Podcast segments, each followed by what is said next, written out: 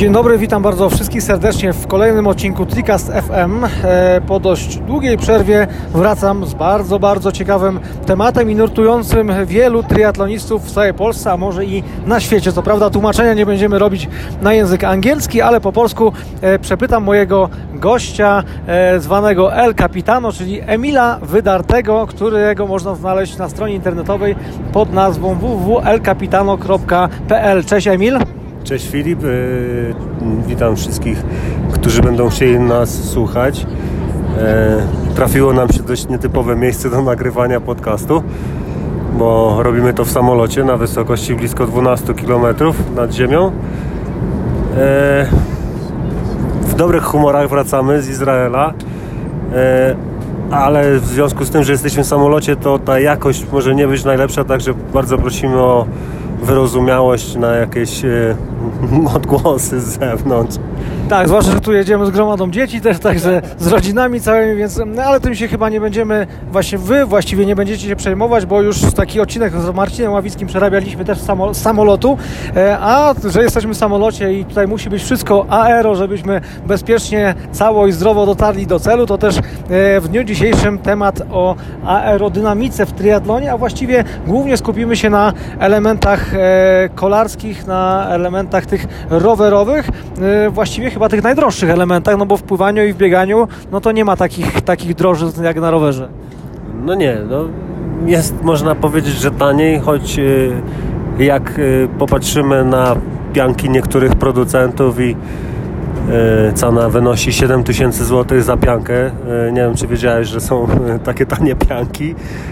Czy jak popatrzymy na niektórych producentów buta, gdzie trzeba wyłożyć za but biegowy 1000 zł, to myślę, że dopiero producenci cały czas testują, gdzie jest ten limit bólu triatlonisty, nie? E, robią to, zaczęli producenci telefonów komórkowych, e, e, Później przerzucił się na to Garmin, kolejne zegarki coraz droższe i też się dobrze sprzedają, więc myślę, że kwestią czasu jest, kiedy za piankę będzie można zapłacić więcej niż za nową czasówkę. Bo będzie aero, oero, czy jak zwał, tak zwał. No dobrze, e, tak jak Emil wspomniał, my wracamy z Izraela, z Izramena. E, startowaliśmy na takich zawodach triatlonowych, przepiękne zawody. E, wtrącę tylko e, doskonała atmosfera, doskonała organizacja, przepiękna trasa, wspaniała, wieczna. E, no i gdzieś tam na treningach przed e, zawodami poruszaliśmy temat aerodynamiki właśnie pod kątem tych zawodów. No i Emil, pierwsze pytanie. Czym jest w ogóle aerodynamika? Po co nam to? Dlaczego to jest potrzebne i dlaczego to jest takie, takie istotne?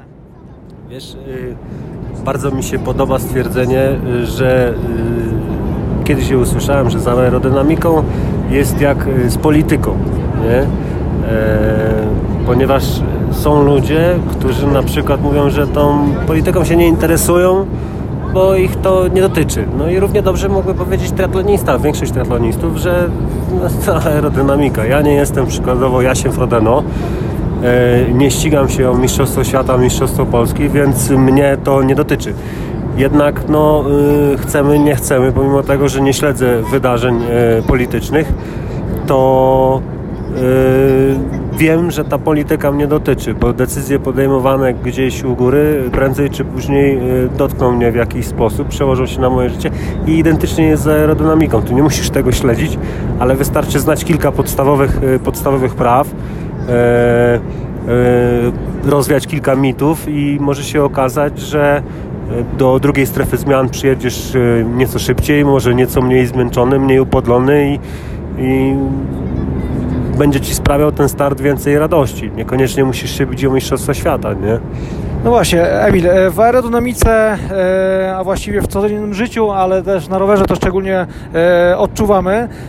Mamy siłę tarcia, siłę oporu, jest toczenie. Co jest jeszcze takiego istotnego w tym wszystkim, żeby, żebyś to, że tak powiem, nakreślił najpierw słuchaczom, po co jest ta aerodynamika, dlaczego jest ona istotna i co na nią wpływa tak naprawdę? Zacznijmy od tego, że jadąc na rowerze mierzymy się z wieloma siłami, które jakby wszyscy się umówili, że chcą nam przeszkadzać. Nie? E, chcemy, nie chcemy, poruszamy się w powietrzu. Mamy trochę łatwiej niż ryby, chociaż one są do tego lepiej przystosowane, ale poruszamy się w powietrzu. I to powietrze też powoduje, że będzie nam przeszkadzało to powietrze w poruszaniu. Musimy pokonać siły oporu aerodynamicznego. Rower ma punkt kontaktu z podłożem. W triatlonie zazwyczaj jest to, jest to asfalt, czasem gorszy, czasem lepszy, ale mamy e, siły oporu toczenia, która też będzie nam przeszkadzała, spowalniała nas. E, wykonujemy e, ruch obrotowy korbą, kręcą się nasze koła, układ napędowy też musi pokonać siły tarcia, więc to kolejna rzecz, z którą musimy walczyć. Oprócz tego jest grawitacja, oprócz tego jest siła bezwładności, e, czyli jest dużo tych punktów składowych, gdzie jakby się, mm, gdzie możemy szukać poprawy, szukać miejsca, e, żeby być trochę szybszym. I możemy to, e, czy to będzie punkt kontaktu z podłożem, czyli zminimalizować opór toczenia, możemy zminimalizować tarcie wewnątrz łożysk, możemy zminimalizować opór, możemy próbować zmniejszyć ten opór aerodynamiczny, który będziemy musieli pokonać. I jest do zaoszczędzenia sporo czasu. Za chwilę spróbuję przejść przez te wszystkie elementy, o których Ty powiedziałeś, gdzie możemy zaoszczędzić, co możemy zaoszczędzić i ile możemy zaoszczędzić, ale najpierw posłużmy się jakimś prostym przykładem. Załóżmy, mamy kolarza, e, który sobie jedzie na rowerku, e, jedzie na tym rowerze i ma ręce e, na kierownicy. Kolejny kolarz identycznie zbudowany, o tej samej masie ciała, wadze, e, ma ręce na klamkomanetkach. Kolejny, czwarty kolarz ma, e, jest na chwycie dolnym, czyli e, łapie za baranek i czwarty kolarz jest e, w pozycji e, czasowej, czyli tej najbardziej aerodynamicznej. Powiedz mi, jakie są różnice pomiędzy tymi czterema kolarzami? Wiesz, no, trzeba by, no, ja wiem, że to się ciężko czasem tego słucha, ale trzeba by zacząć od tego, że y, jak się liczy siłę oporu aerodynamicznego, to rzecz, na którą nie mamy wpływu jest gęstość powietrza, E, prędkość e, i dochodzi nam jeszcze coś takiego jak współczynnik oporu i powierzchnia czołowa. Czyli jeżeli my chcemy, i to jest iloczyn tych, tych, e, tych rzeczy, czyli gęstości powietrza, której nie zmniejszymy, jeżeli startujemy w zawodach, a nie w jakimś, w jakimś pomieszczeniu, gdzie moglibyśmy zmieniać skład atmosfery. E, e, prędkość, no to wiadomo, że jeżeli będzie nasza prędkość rosła, to e, do kwadratu będzie zwiększał się opór, czyli im szybciej jedziemy, tym większą siłę oporu musimy pokonać. Więc jedyne, co możemy zmieniać, to jest współczynnik oporu, coś co się nazywa CD, no i powierzchnia nasza czołowa. Powierzchnia czołowa, czyli tak jakbyśmy spojrzeli na kolarza od przodu, Y, więc on jeżeli porusza się do przodu, no to to jest, że tak powiem, y, to, to jest ten cień, który, to jest ten, to, to co będziemy widzieli, to jest powierzchnia czołowa, y, to jest ten jakby to, co naciera na to powietrze. I my to możemy zmniejszać. Najprościej więc jest zmniejszyć tą powierzchnię czołową. E, a zmniejszyć można ją tak, że można e, przyjąć inną pozycję na rowerze. E, czyli to, o czym wspominałem, czyli górny chwyt, klamką manetki, pozycja dolna i pozycja czasowa. Tak. E, dla przykładu, e, wiesz, e, zarówno w hydrodynamice, jak i w aerodynamice mierzy się współczynniki oporu i wiesz, dla przykładu współczynnik oporu skrzydła wynosi 5 setnych, natomiast współczynnik oporu kolarza, który ma ręce na kierownicy ręce na kierownicy, czyli tak w górnym chwycie, to wynosi 1,15, nie? czyli mamy dwadzieścia kilka razy więcej. Nie? Wiadomo, kolarz nigdy nie będzie tak aerodynamiczny jak skrzydło, ale jeżeli ten kolarz przykładowo ręce położy na klamkomanetkach, no to wiadomo, że już trochę bardziej się jakby położy, jest troszkę niżej i ta jego powierzchnia, zmniejszenie e, powierzchni czołowej e, e, spowoduje też, że zmniejszy się ten współczynnik oporu, który wynosi już 1, a nie 1,15. Gdy będzie w pozycji dolnej, czyli nazwijmy to w tej pozycji sprinterskiej, to nagle wychodzi, że ten współczynnik oporu już jest 88 setnych, a jak mamy optymalną pozycję czasową na rowerze czasowym, to możemy zejść do wartości 70 setnych, czyli zmniejszyliśmy w stosunku do pozycji górnej, takiej jak byśmy się wspinali na przykład, to zmniejszyliśmy ją już o 40%. Sam współczynnik oporu powietrza, więc to ma bardzo duże znaczenie, jak my jedziemy. Często gdzieś na zawodach zwracam uwagę, że y, y, ludzie mają rowery czasowe, jadą na tych czasówkach, ale jadą w górnym chwycie, bo im ciężko utrzymać pozycję. I nawet nie zdają sobie sprawy, że właśnie o kilkadziesiąt procent powiększyli swoją siłę oporu i automatycznie jadą wolniej. My do tego jeszcze później dojdziemy, ale to jest kwestia fittingu i wjeżdżenia się w pozycję czasową. Ty możesz mieć najbardziej agresywną ustawioną pozycję na rowerze, ale jeżeli nie będziesz w stanie utrzymać jej przez 2,5-3 godziny, tyle czasu, ile ci zajmuje pokonanie triatlonu, to nie ma sensu mieć takiej pozycji co ci da, że ty pojedziesz na przykład godzinę w tej pozycji, jak później będą cię bolały plecy, jak później będziesz miał problem, żeby, nie wiem, utrzymać tą pozycję i będziesz co chwilę musiał łapać do góry, nie?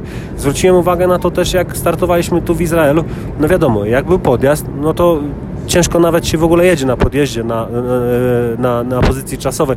Ta prędkość jest o wiele niższa, więc y, to też ma trochę mniejszy wpływ. Ale jeżeli jest lekki podjazd, to nie ma sensu wstawać, wiesz, krótki podjazd nie ma sensu wstawać, bądź jak najmniejszy, bądź jak najbardziej schowany, nie? I więc yy, generalnie no warto zastanowić się, jak będziemy jechali na, na, na zawodach, znaleźć y, sobie taką pozycję, żeby ona była po pierwsze komfortowa, po drugie aerodynamiczna. E, Okej, okay. powiedz Emi tak, bo oczywiście pozycja to jest jedno, ale w triatlonie bez draftingu e, jest zasada taka, że jedziemy bez draftingu. E, są te różne odległości e, przez organizatorów wyznaczone tam od 7 do 20 właściwie metrów, którą jakby to jest to odległość, za którą możemy jechać za danym zawodnikiem, ale powiedz ile może dać taki drafting? Na razie taki klasyczny, zwykły drafting. E, jeżeli jedzie się w dwie osoby, jedna osoba za drugą, bezpośrednio blisko, e, blisko siebie, jak to wygląda? Jak to wygląda w większej grupie, e, a potem jak to wygląda właśnie jadąc te przepisowe czasami 7 metrów, czasami 10 metrów, czasami 12, czasami 20 w zależności od federacji? To akurat zjawisko yy, może triatloniści mają małą tego świadomość, ale y, w kolarstwie to jest kluczowa sprawa. Nie? Jak pojedziesz na y, trening na ustawkę szosową z szosowcami, to zobaczysz, że oni praktycznie dotykają swoich kół. Tam jak się otworzy odstęp czasem 20 cm, to możesz już tak brzydko mówiąc nie dospawać, nie? Już odpadasz. E, i, i robi się badania e, o oprogramowanie e, CFD, czyli oprogramowanie, które pozwala nam symulować warunki, jakie są w tunelu aerodynamicznym. Jest często wykorzystywane do tego i na przykład symulując prędkość taką powiedzmy to szosową 54 na godzinę to jest normalna prędkość, nazwijmy to peletonu, no to wiesz, jeżeli odległość mamy 10 cm między zawodnikami, to yy, nawet ten pierwszy zawodnik, który jedzie na przodzie, jego, jego yy, siła oporu też spadnie. Nawet ten pierwszy, bo jakby ta grupa za nim też powoduje, że ta powierzchnia, która, ta, ta, ta, to powietrze, które jest przed nim, też y, łatwiej mu jest przejechać, nie? Wiesz, w przypadku grupy, gdy jedzie już dwóch zawodników, to ten z przodu też jego opór spada o 2,6%, a jeżeli to jest grupa większa, to to jest, są 3%. E, natomiast jeśli chodzi o jeśli chodzi o kolejnych zawodników, no to wiesz, jeżeli e, mamy e, dwóch Y, zawodników. To przerwę, to ty mówisz o samym oporze, nie, nie o tym, nie, nie że to jest tylko 2-3% różnicy w jeździe na kole, tylko o samym oporze, oporze zostawionym przez powietrze. Sile, sile oporu. Y, y, jeżeli mamy dwóch zawodników, to ten drugi, jeśli jedzie, jeśli jedzie o 10 cm za kołem tego pierwszego, to jego siła oporu spada o jakieś 15%, nie? Jeżeli mamy tych zawodników, będzie 8, nie? To yy, możemy dojść nawet do 30 kilku procent, czyli Często to widać na przykład na plikach, jak się popatrzy na strawę, jak zrzucą kolarze z wyścigu i popatrzy się na średnie waty, na przykład e, lidera, który jedzie gdzieś tam bezpiecznie w peletonie w środku, no to wiesz, oni jadą przysłowiową kapustą, on się zbytnio nie zmęczy, no bo on tam ma 30 kilka procent oporu mniej, czyli on nie musi generować Bóg wie jakich watów, żeby jechać z peletonem, który jedzie szybko, ale wiadomo, ktoś na to musi pracować z przodu. E, ale dobra, myśmy mówili o tym, że jesteśmy blisko, natomiast wiesz, e, e, w triatlonie, tak jak mówisz, są imprezy, które mają 7 metrów, są imprezy, które mają 10, 12, 20 metrów, bo na przykład e, nasz związek, znaczy i ITU i, i, i, i i ITU i PZ3 mają dwie, dwie, wartości 12 i 10 metrów. 12 jest dla dystansu długiego 10 dla amatorów e, na, Olimpika i sprint. Olimpice i sprincie. E, na Ironmanie czy imprezach World Triathlon Corporation WTC to jest 12 metrów, a na imprezach serii Challenge to jest nawet 20 metrów. I skąd się wzięły te wartości? Te wartości nie wzięły się z sufitu, bo dla przykładu, jeśli jedziesz z prędkością 45 km na godzinę, to jest bez problemu prędkość do osiągnięcia przez ambitnego amatora, y, który jedzie y, na fajnej, płaskiej trasie, dajmy na to taki ślesin, nieporęt, nie? to ten opór aerodynamiczny, który musimy pokonać, wynosi 250 W. Nie? I jeżeli my popatrzymy sobie na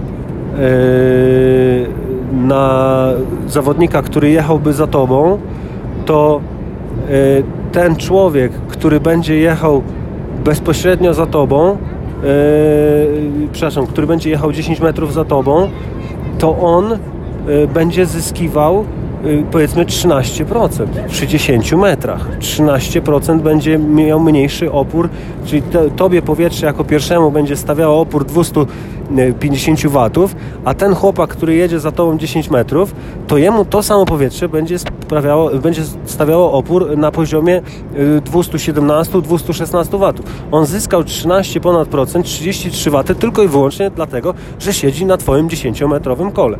Dlatego Powtarzam to wszystkim. A, przypomnijmy jeszcze tylko, że przepisy mówią o tym, że drafting jest, liczy się od przedniego koła, e, od tylnego koła zawodnika przed nami do tylnego koła naszego roweru. Czyli ta, de facto te 10 metrów e, minus długość roweru to jest tak naprawdę 8 metrów już. Tak, ktoś robi 8 metrów, a przy 8 metrach to e, już zbliżamy się do 15%.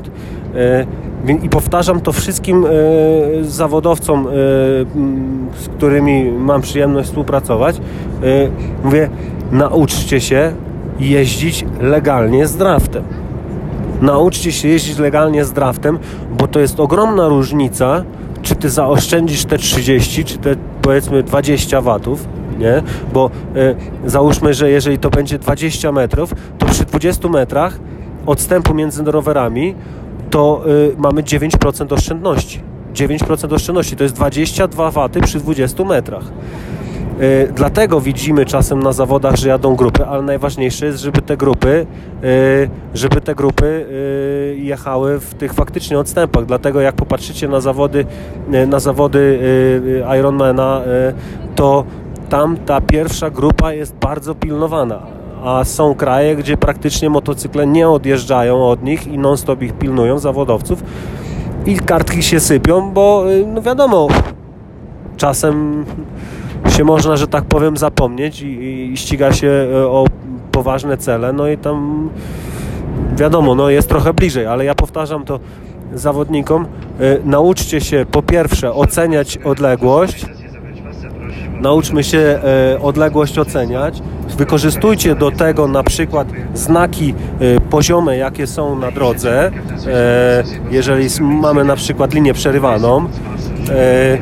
To nauczcie się oceniać tę odległość, policzcie sobie ile to jest tych pasów, to jest 12 metrów, czy te 20 metrów, na przykład na zawodach w Samorin, w Samorin na Słowacji, kilku punktach na trasie były po prostu oznaczone. Tak wygląda 20 metrów. Tyle musisz być od drugiego zawodnika. Y, bo okej, okay, ty oszczędzisz te 30 watów, przykładowo jadąc 10 metrów za kimś, ale jeżeli dostaniesz karę 5 minut, albo drugi raz cię złapią, no to już te 30 oszczędzone watów może się okazać, że więcej będziesz odpoczywał w strefie zmian i czekał, nie? Jeszcze raz Emil, uporządkujmy, jak to wygląda przy 5, 10, 15, 20 metrach, ile jesteśmy w stanie zaoszczędzić? Tak, no to e, zacznijmy od tego. Przykładowo, ty jedziesz te 250 watów, ja jestem bezpośrednio na twoim kole, to ja 90 watów właśnie zaoszczędziłem. Ja właśnie zaoszczędziłem 90 watów. To jeżeli ja będę 5 metrów za tobą, to to oszczędzam 20% tego oporu, e, e, siły oporu aerodynamicznego. Jeżeli e, ja będę jechał 10 metrów za tobą, to oszczędzę 13%. Jeżeli będę jechał 15 metrów, to będzie 10%. Jeżeli będę jechał 20 metrów za tobą, to ja będę oszczędzał 9% wartości siły oporu aerodynamicznego. A jeszcze ciekawostka, gdybym ja jechał bezpośrednio na Twoim kole, to Ty też te 2-3% byś dostał gratis, nie? Okej, okay, a gdzie jest ta granica, gdzie przestajesz zyskiwać? Ile to jest metrów tak realnie, że jest 20 metrów, powiedziałeś, że to jest te 9%, natomiast czy to będzie 30, 40, 50, 70? Jak to wygląda, jeżeli chodzi o, e, o tą odległość pomiędzy jednym zawodnikiem a drugim? Wiesz, to y, tak naprawdę to później to spada już bardzo wolno, ale można powiedzieć, że przy 30 metrach to już ten odstęp, je, to, to, już ten zysk jest znikomy, ten, ten zysk oporu aerodynamicznego, czyli e, wydaje mi się, że śmiało można, bo później mówimy, wiesz, o procencie, 2%, czy tam 1,5%, no to, to już są wartości, nazwijmy to powiedzmy pomijalne, ale te 30-33 metry to jest taka powiedzmy granica, gdzie już y, ten zysk jest bardzo, bardzo, bardzo mały. Dobra, Emil, pytanie kolejne. Mamy rower szosowy, rower szosowy z lemontką, rower czasowy.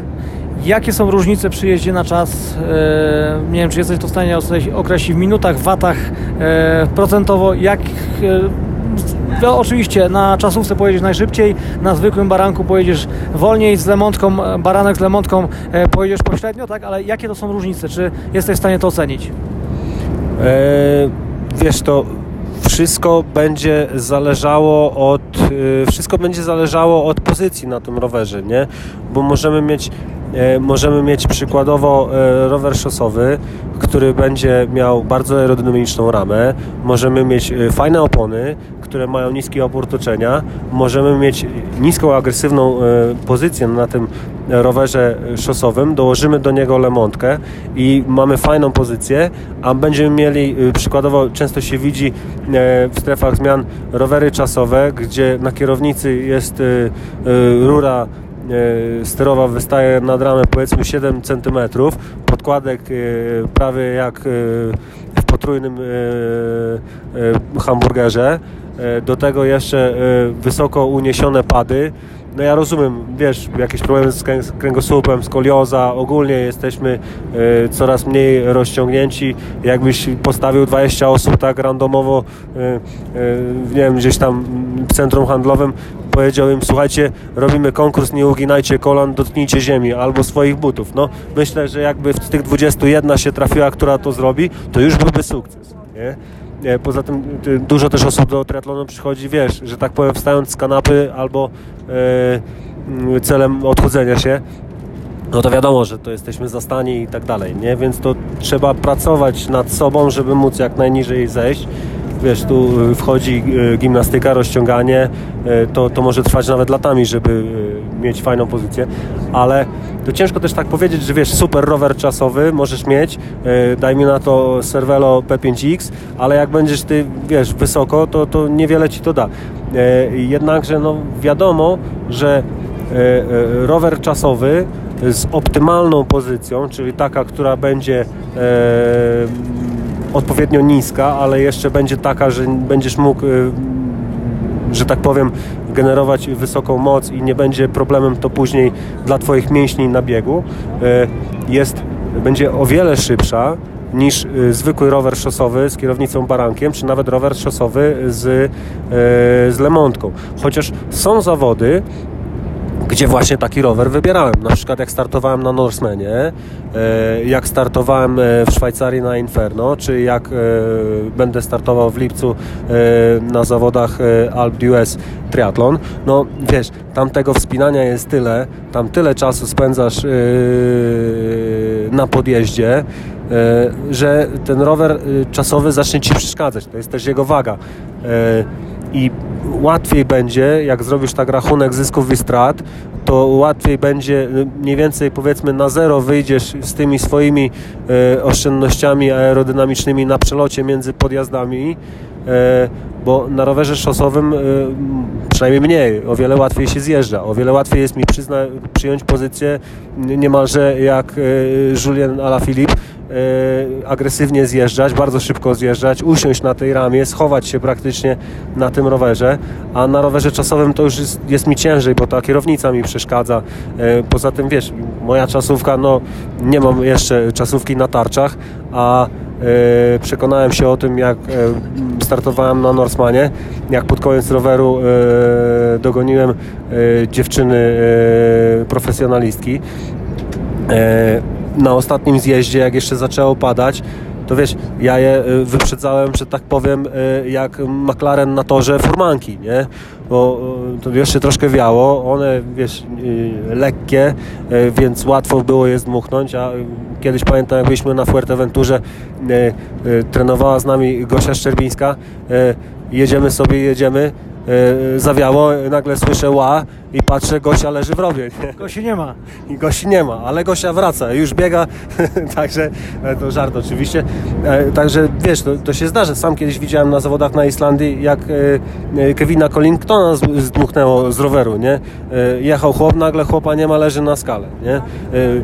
Sam Ci pokazywałem niedawno takie słynne zdjęcie było z Tour de France, jak, jak kolarza na czasówce zdmuchnęło w skałę. Także to się zdarza i, i na przykład są starty, gdzie wybra, wybiorę y, rower szosowy, tam gdzie jest dużo wspinania, tam gdzie jest, y, są długie zjazdy, gdzie przyda mi się hamulec tarczowy, y, to tam wybiorę rower szosowy, założę oczywiście do niego lemontkę.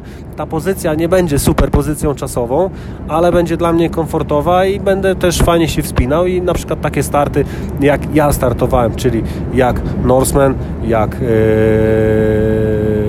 Inferno w Szwajcarii, czy jak właśnie Alp US Triathlon, e, to tam na pewno pojadę z rowerem szosowym, pojechałbym, gdybym miał jeszcze raz jechać. A myślę, że u nas w kraju, na przykład jak startowałem pierwszy raz w Karkonoszmanie, to takie miejsce, że wielu triatlonistów było w Wizerach i w Karkonoszach, więc y, te wszystkie y, podjazdy y, mogą kojarzyć, tam Michałowice, Zachełmie, czy nawet Odrodzenie, nie? To Odrodzenie może nie, ale wszystkie inne te podjazdy, to teraz stwierdzam, że gdybym miał startować, no chciałem w tym roku startować, ale chyba niestety nie pojadę, bo zmiennik coś mi już płakał, że trzeba będzie we wrześniu być na statku, więc może mi obejść po raz kolejny przejść koło nosa e, karkonoszmen, który będzie e, w połowie września, to gdybym miał tam jechać, gdyby się udało, żebym tam pojechał, to już pojadę z czasówką, nie? Już na tyle się czuję, tam, tam ta, ta trasa jest taka, że tam jeszcze chyba wybrałbym czasówkę, nie? A Radków? Wiesz co, nie byłem ale jeden z organizatorów mnie tam zapraszał, żebym przyjechał i kiedyś na pewno przyjadę. E, wiesz co, musiałbym zobaczyć tą trasę, musiałbym zobaczyć profil, przeanalizować go, przemyśleć, e, ale... Góra, dół i serpentyny. Góra, dół i serpentyny, to nie wiem, czy bym się nie skłonił, jeśli nie ma długich odcinków, kilkudziesięciokilometrowych, e, gdzie faktycznie mógłbym wykorzystać tą przewagę tej, tej czasówki, to, yy, to wybrałbym szosę. No, no, mm, wiesz, słuchacze o tym nie wiedzą, ale mieliśmy y, nawet parę dni temu taką rozmowę, jak jechaliśmy, pierwszy raz objeżdżaliśmy trasę y, Izramana. Tam akurat było y, prawie 20 km pod górę, a później na płaskowyżu w miarę płasko i nawet ty się zastanawiałeś, czy nie lepiej było mieć szosę. Uważam, że nie.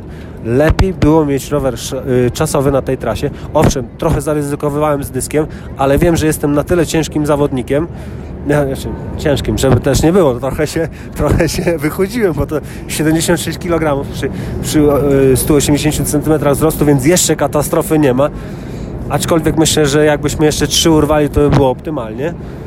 Poczekamy, lato jeszcze. Wtedy by się zwiało. Ale faktycznie wiatr poderwał mi raz koło na ostatnim zjeździe. E, e, to był dość specyficzny start. Tam wiesz, mocny wiatr i tak dalej. Ja, na przykład, wiesz co, chyba jako organizator zabroniłbym dysków.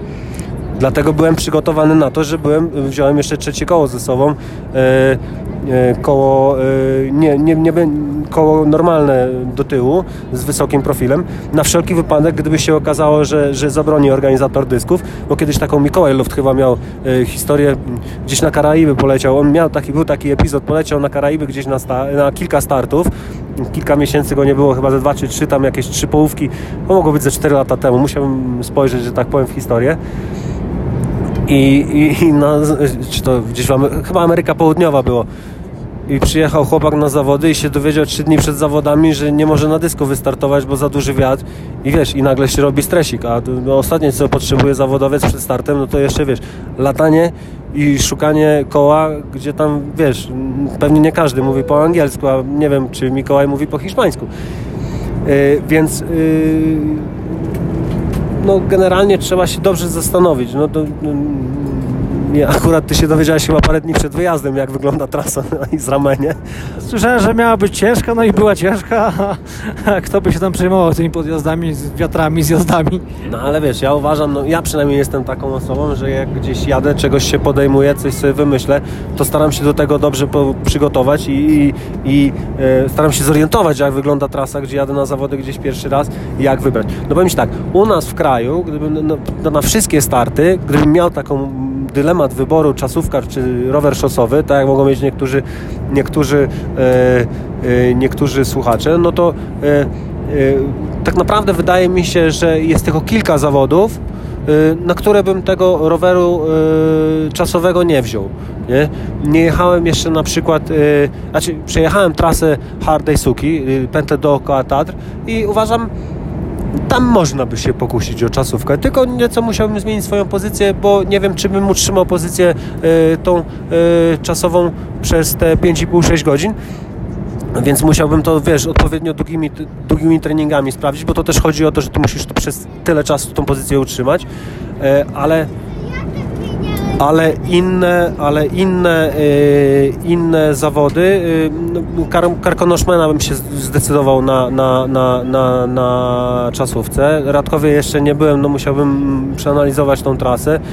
Są jeszcze chyba jakieś mocarne zbóje i tak dalej, no to tam trzeba by się zastanowić, ale była kiedyś taka impreza, Zaporowy Triathlon się nazywała, w Bieszczadach, piękna, bardzo chciałem tam pojechać, niestety nie było mi dane, bo byłem na statku, później przestali organizować, ale jeżeli wrócą z tą imprezą, to na tam na pewno pojadę i pojechałbym też z rowerem czasowym, więc y, większość tras u nas w kraju rower czasowy, nie? A ile to da?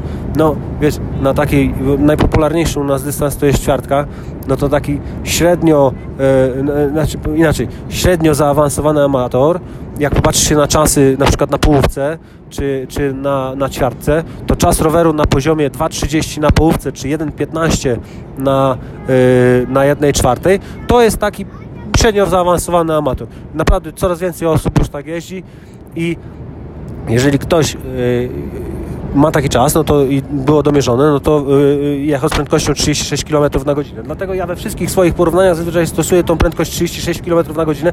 To wiesz, sam yy, rower czasowy, wiesz, ono ma odpowiednio aerodynamiczne profile, ramy i tak dalej, bla, to jeżeli pozycja jest optymalna pod względem aerodynamicznym, no to taki człowiek dostanie na ćwiartce praktycznie za darmo, no nie za darmo, nie, bo ten rower musi kupić, nie, ale w porównaniu z tym, że zdecyduje się, dobra, a pojadę sobie na czasówce, albo nie chce mi się, nie wiem, e, został teściów, a nie chce się z teściową widzieć e, moja czasówka, mam szosę, wezmę szosę, no to wiesz, no to mówimy już o dwóch, trzech minutach, które e, on może zyskać na samym tym rowerze czasowym, jeśli ma optymalną pozycję na nim. Czyli reguły na określoną ilość minut nie ma, jest to głównie uzależnione od trasy i e, raczej zawsze czasówka jest szybsza, za wyjątkiem tych typowo bardzo górskich terenów z dużą ilością zjazdów, trudnych zjazdów, gdzie tak naprawdę ta czasówka, e, ta czasówka może być mniej przydatna niż rower szosowy, ale jak już jesteśmy przy rowerze szosowym i czasowym, to powiedz jeszcze, jak to wygląda, jeżeli chodzi o waty. No bo często zawodnicy trenują na przykład sobie na, e, na rowerze jednym, mają watomierz, załóżmy, trenują sobie na e, szosie, ale nagle przed zawodami przesiadają się na czas. Czy są jakieś różnice w watach między jednym a drugim rowerem? Ależ oczywiście, to nawet można, to nawet można e, sam się kiedyś złapałem na tym, jak robiłem e, e, e, z, pierwszy raz zwróciłem na to uwagę, jak robiłem e, no jeszcze kupę lat temu, jak robiłem kiedyś test, y, y, testowałem swoje FTP i podczas tego testu, no trochę ciężko mi było, no to może nie trochę, to, taki test, przepraszam, do pożygu niemalże. No i y, chyba zacząłem troszkę za mocno i już naprawdę y, oddychałem y, uszami i wiedziałem, że nie dotrzymam i po prostu wyszedłem z tej pozycji czasowej i y, położyłem ręce na, podniosłem się po prostu, położyłem ręce na nogach i ja już na tej czasówce nagle przestało być mi y, tak ciężko i zrobiło się trochę łatwiej. Więc samo to już, że tak powiem, otwarcie się Czyli, spowodowało... czyli nie musi być nawet rower szosowy, tylko samo, sam górny chwyt. sam, sam górny chwyt, że nagle się okazało, że było mi łatwiej generować te waty. Ale wiesz, to było na trenażerze. Ja stałem w miejscu.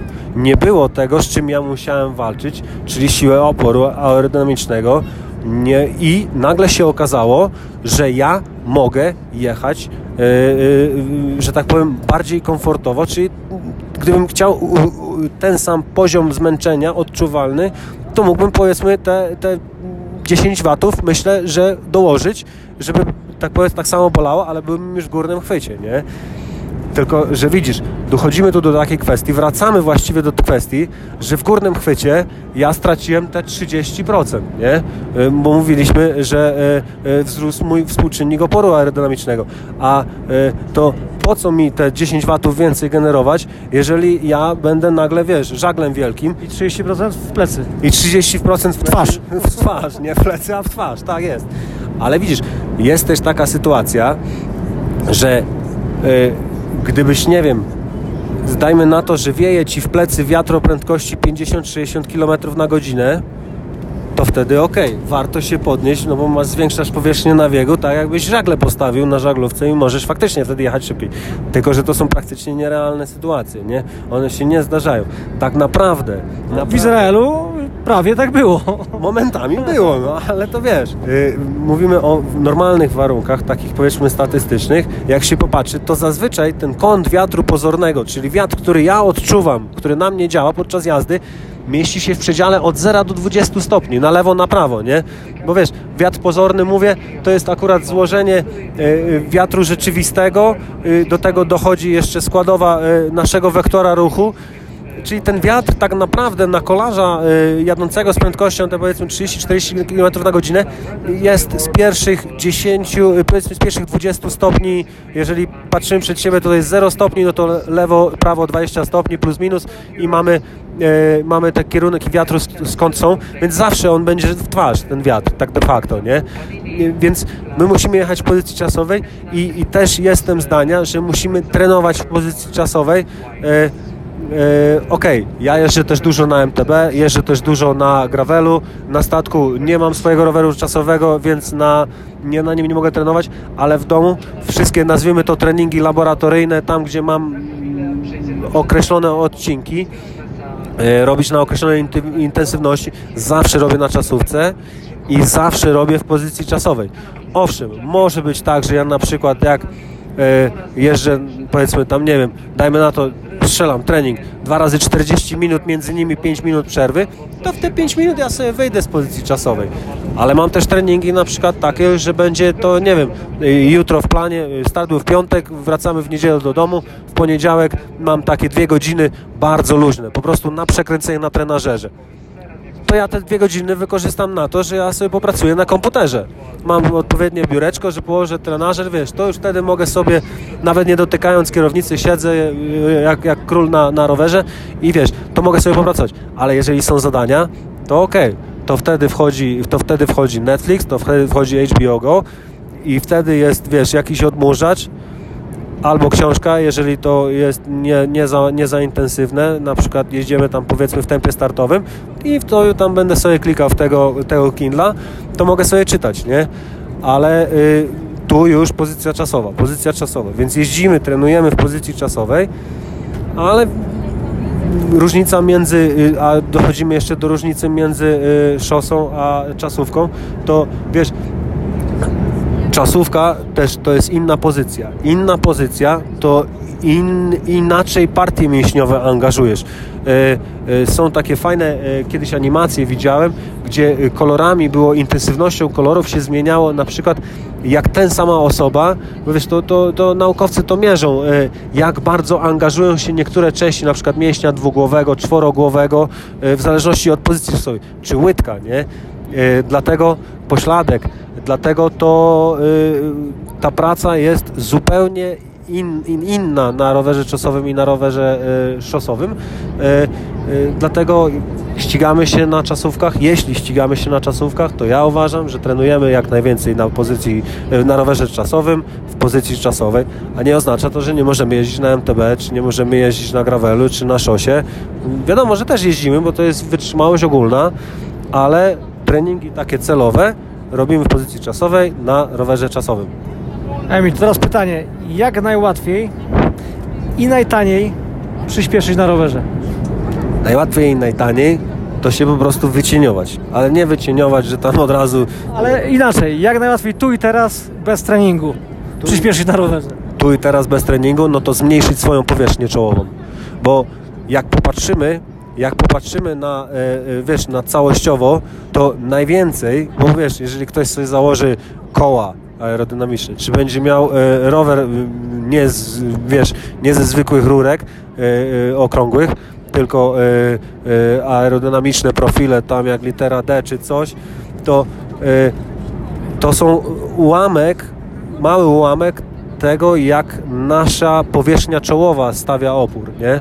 Więc najprościej po prostu się zmniejszyć, zrobić się mniejszym dla powietrza, czyli przyjąć jak najbardziej aerodynamiczną pozycję pod warunkiem, że ta pozycja nie wpłynie negatywnie na to, jak my będziemy w stanie biec, bo możemy też, a nawet nie biec, ale jeszcze na jazdę na rowerze, bo możemy zejść tak nisko, tak agresywnie, tak bardzo zamknąć płuca, nawet zbliżając za bardzo do siebie ramiona, że ciężko nam będzie generować waty, więc ta pozycja nie, nie, nie, nie można też przegiąć, że na przykład ty po 90 km y, się podniesiesz z tego roweru i ty nie będziesz mógł ubiec, bo nie wiem, tak cię poskręca, nie wiem, że wiesz, nie będziesz w stanie trzymać postury biegowej, nie? Y, kroku dociągnąć. No. Czyli krok pierwszy to jest udanie się do, na bike fitting. Tak, udanie się na bike fitting, odpowiednio niska, ale i komfortowa pozycja, nieważne czy to będzie rower czasowy i szosowy, to jest wiesz, w zależności od tego u kogo się fitujemy, to jest powiedzmy średnio podejrzewam, że stawka jak tak patrzę na po fiterach to jest jakieś 400-450 zł, ale myślę, że to jest najlepiej wydany pieniądz jaki można wydać, jeśli chodzi o zyski, przełożenie zysków, yy, znaczy o, o, zyski czasowe yy, na rowerze. To od razu dopytam, u kogo się najlepiej fitować według Ciebie? Możesz reklamować, to nie przeszkadza mi to w zupełności. Wiesz co, nie chciałbym, bo ja się z tymi ludźmi kompluję i nie chciałbym, że na przykład któregoś nie wymienię i on mi powie, słuchaj, wymieniłeś tego, a tego nie wymienisz. Wymień w kolejności alfabetycznych wszystkich, których byś polecił. Nie no, wiesz, jest mamy coraz więcej specjalistów w kraju. Ja też nie znam wszystkich, nie? Ale jest, e, jest na przykład e, Bartek, który pracuje z drużyną CCC. Jest e, Krystyn Lipiarski, którego chyba większość triatlonistów kojarzy, a trzy czwarte fitował, nie? Jest, jest jeszcze w ogóle chyba zaczynał z bike fittingiem tak naprawdę takim, wiesz, nazwijmy to tym takim nowoczesnym bike fittingiem, to, to był e, Grzegorz Dziadowiec z Veloartu, nie? E, mamy jeszcze świetnego na Pomorzu specjalistę Łukasza Szczęsnego e, z Velolabu. W Warszawie już jest kilka jak widzisz, teraz nie wiem jak po polsku, studi no, studi studiów, gdzie można, bo to się nazywa studio bike fittingu, nie wiem, taka nazwa się przyjęła.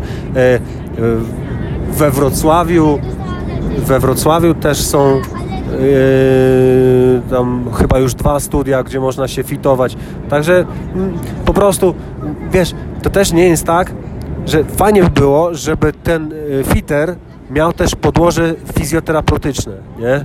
Że on będzie w stanie, wiesz, zobaczyć y, jak ty, jaka jest twoja postawa, że on będzie w stanie, wiesz, wykona testy, żeby zobaczyć jak nisko może z tobą pójść i tak dalej. Że nie będzie to osoba, która będzie ślepo patrzyła w tabelkę, nie, nie w tabelkę, tylko wiesz, oni mają, oni nawet ci, którzy korzystają z Retula, y, czyli z tego oprogramowania, które y, y, za pomocą kamer i czujników trójwymiarowo nam pozycję pozwoli zoptymalizować, żeby oni sztywno nie patrzyli w te widełki, które oni mają określone. Bo to jest tylko statystyka, ale mogą być ludzie, którzy się w tych widełkach nie mieszczą, bo mieli jakieś kontuzje, bo mieli jakieś urazy wcześniej, czy po prostu są bardziej gipcy. Dlatego to nigdy nie jest jednorazowa wizyta. Bike fitting to jest proces. Czasem się zmienia pozycję co rok, czasem się zmienia pozycję co pół roku. E, często też na przykład robiłem tak, jak ostatnio robiłem fitting u Łukasza Szczęsnego, e, że e, ustawiliśmy pozycję, ale Łukasz mówi, słuchaj, tutaj jeszcze bez problemu zobaczysz, jak już będzie Ci ok, że będziesz w stanie bez problemu utrzymać tą pozycję przez 2-2,5 godziny, jak myślisz, że będzie moment, zejdź jeszcze, wyrzuć tą jedną podkładkę, skróć rurę i zejdź na pół centymetra, zejdź ten centymetr, będzie lepiej. I tak zrobiłem, nie? Po pół roku ja zszedłem niżej. Ale wiesz, następna też sprawa. Ty nie możesz robić fittingu na przykład na dzień przed zawodami. Tak jak ja widzę, jak to czasem jest, że jest, wiesz, Krystyn Lipiarski często tak robi, że się rozstawia i, i to jest ok tylko y, że się rozstawia na expo i robi fitting ludziom. I to jest ok, że on to robi, bo super, bo ludzie i tak przyjadą na te zawody. Tylko moim zdaniem złym pomysłem jest, że w sobotę zrobię sobie fitting, w niedzielę wystar wystartuję na pozycji, na której nigdy nie jeździłem i na przykład jadę pełny dystans. No to już jest dla mnie nieporozumienie totalne, nie? Wiesz, dlatego... Czyli ile przed trzeba się witować przed startem? E, no, wiesz, specjaliści może mają inne zdanie, ale ja na przykład jak e, kiedyś jak rozmawiałem z zawodnikami grupy zawodowej GVT BMC pod koniec 2017 roku, e, to wiesz, niektórzy z nich zaczynają sezon dość szybko, marzec, kwiecień, nie? To ja mówiłem, panowie i panie też, panie też drużynie były, listopad, grudzień to jest ostatni moment, uważam, kiedy wy możecie, a tam był taki moment, że oni jeździli, te BMC miały takie dość wysoko, miały te kierownice i ja, wiesz, pokazywałem im zdjęcia, bez problemu można zdjęcia znaleźć z imprez, ściągnąłem ich zdjęcia z iluś tam imprez i pokazałem, no popatrz jak ty wyglądasz z boku. No popatrz jak ty wyglądasz z boku. Porównaj się wejdź sobie na Slow Twitcha. Zawsze po zawodach w konie są zdjęcia y, zawodowców, jak oni wyglądali na Hawajach, na rowerach. Popatrz się, jak światowa czołówka wygląda. Popatrz się na czasowców, popatrz się na szosowców, y, y, na kolarzy szosowych, wiesz, którzy się specjalizują w czasówkach.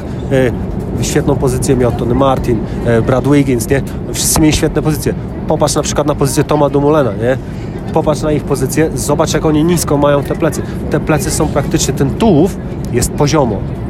To owszem, garb jakiś tam, ale tam generalnie dążymy do tego, żeby ten tułów był poziomo.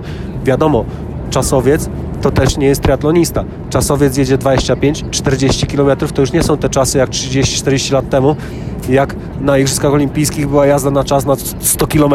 No nikt nie jeździ już takich czasówek. Wiesz, czasówki mają 7, 5, 30 parę kilometrów, nie? Więc oni mają do przejechania powiedzmy godzinę i oni już później nie biegają.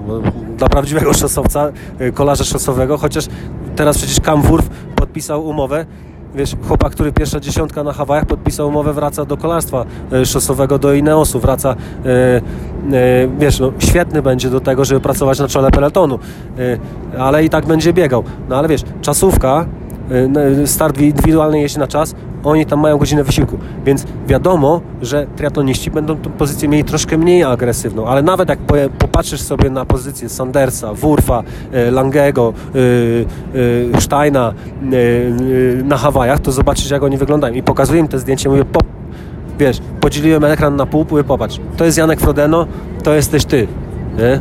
Mówię, no, widzisz różnicę, bo ja widzę kolosalną, nie? I chłopaki się nagle łapią za głowę, mówię, to ja tak słabą, że tak powiem, u mnie to wygląda. Ja mówię, no i wiesz, i to był grudzień, przepraszam, listopad, ja mówię, wy najpóźniej w grudniu musicie mieć te zupełnie inne kierownice, niższe kierownice, bo to cyki nagle się okazuje, że na takiej połówce to ty masz minutę w kieszeni.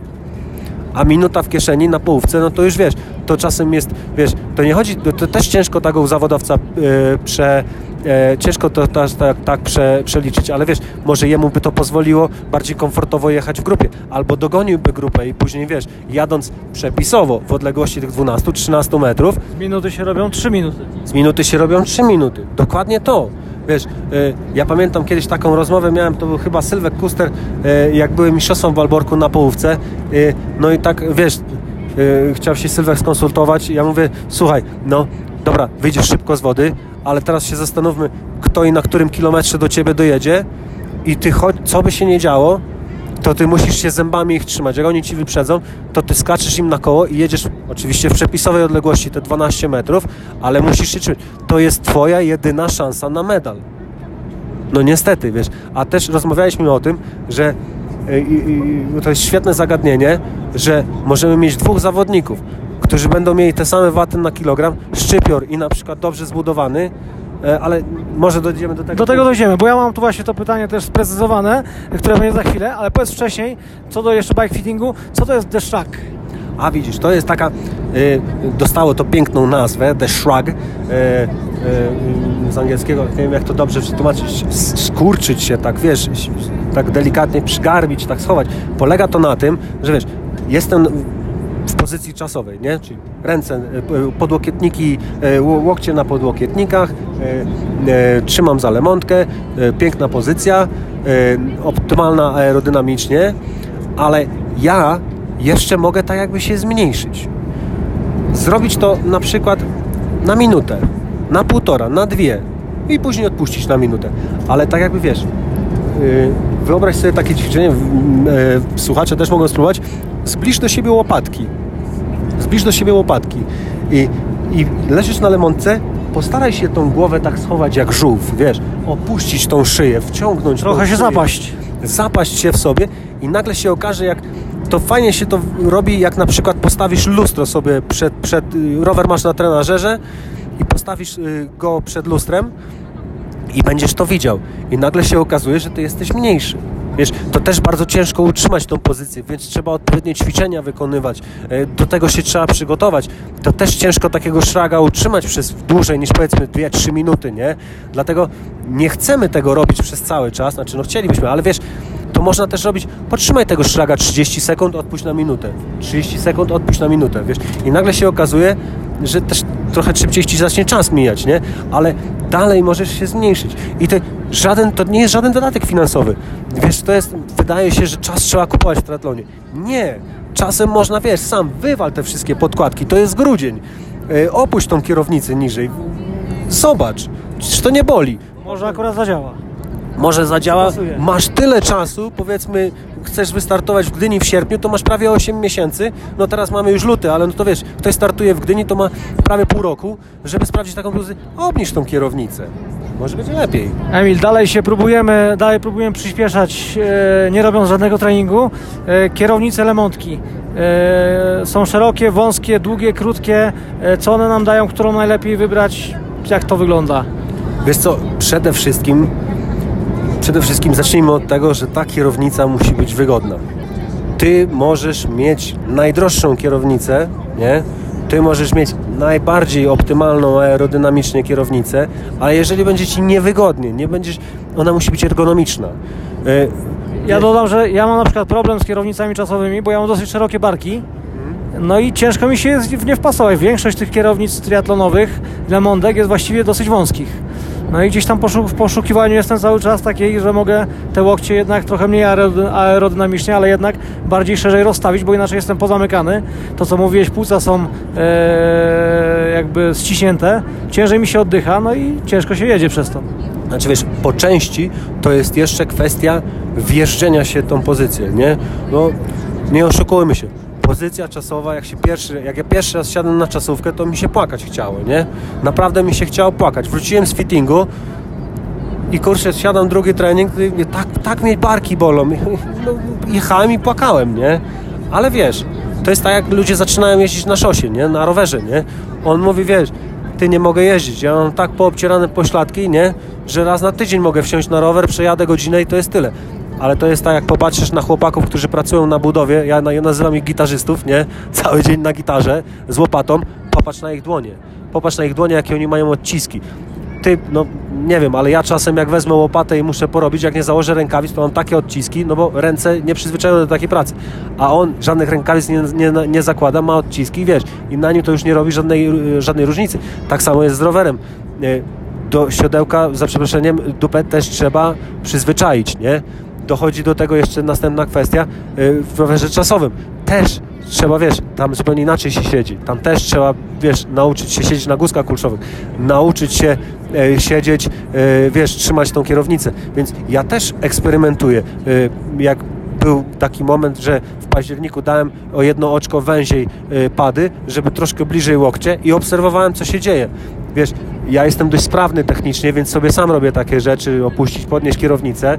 No, y, czasem inni będą musieli pomóc, o, y, popro, poprosić o pomoc mechanika, ale y, wiesz, y, trzeba eksperymentować, tylko to też ciężko się to mówi, wiesz, jeżeli ktoś, y, nie wiem, kupił sobie rower, wziął go na raty, y, jeszcze mało się rozwodem nie skończyło, bo żona powiedziała, albo kupujesz mi teraz trzy torebki do tego, inaczej bierzesz ten rower i, i się wyprowadzasz. No to wiesz, to też ciężko je- jeszcze nagle, wiesz, kupić kierownicę teraz następną za dwa koła, a spróbuję, może będzie lepiej. Wiesz, ja y, mam o tyle to szczęście, że wiesz, pisząc dużo o sprzęcie, y, trafia do mnie tego sprzętu trochę, firmy mi użyczają, żebym o nich napisał albo wyraził swoją opinię, więc, więc trochę mi łatwiej, ale miałem kiedyś taką świetną moim zdaniem kierownicę y, firmy 3T, ona się nazywała Brezza Nano. Ona była po prostu o wiele węższa, nie? Jak popatrzysz na kierownicę, to standardowa kierownica czasowa ma tam powiedzmy 40 cm szerokości, a ona miała 30, nie? Te y, rogi, y, tam gdzie są klamki hamulcowe, były bardzo, bardzo wąsko, nie?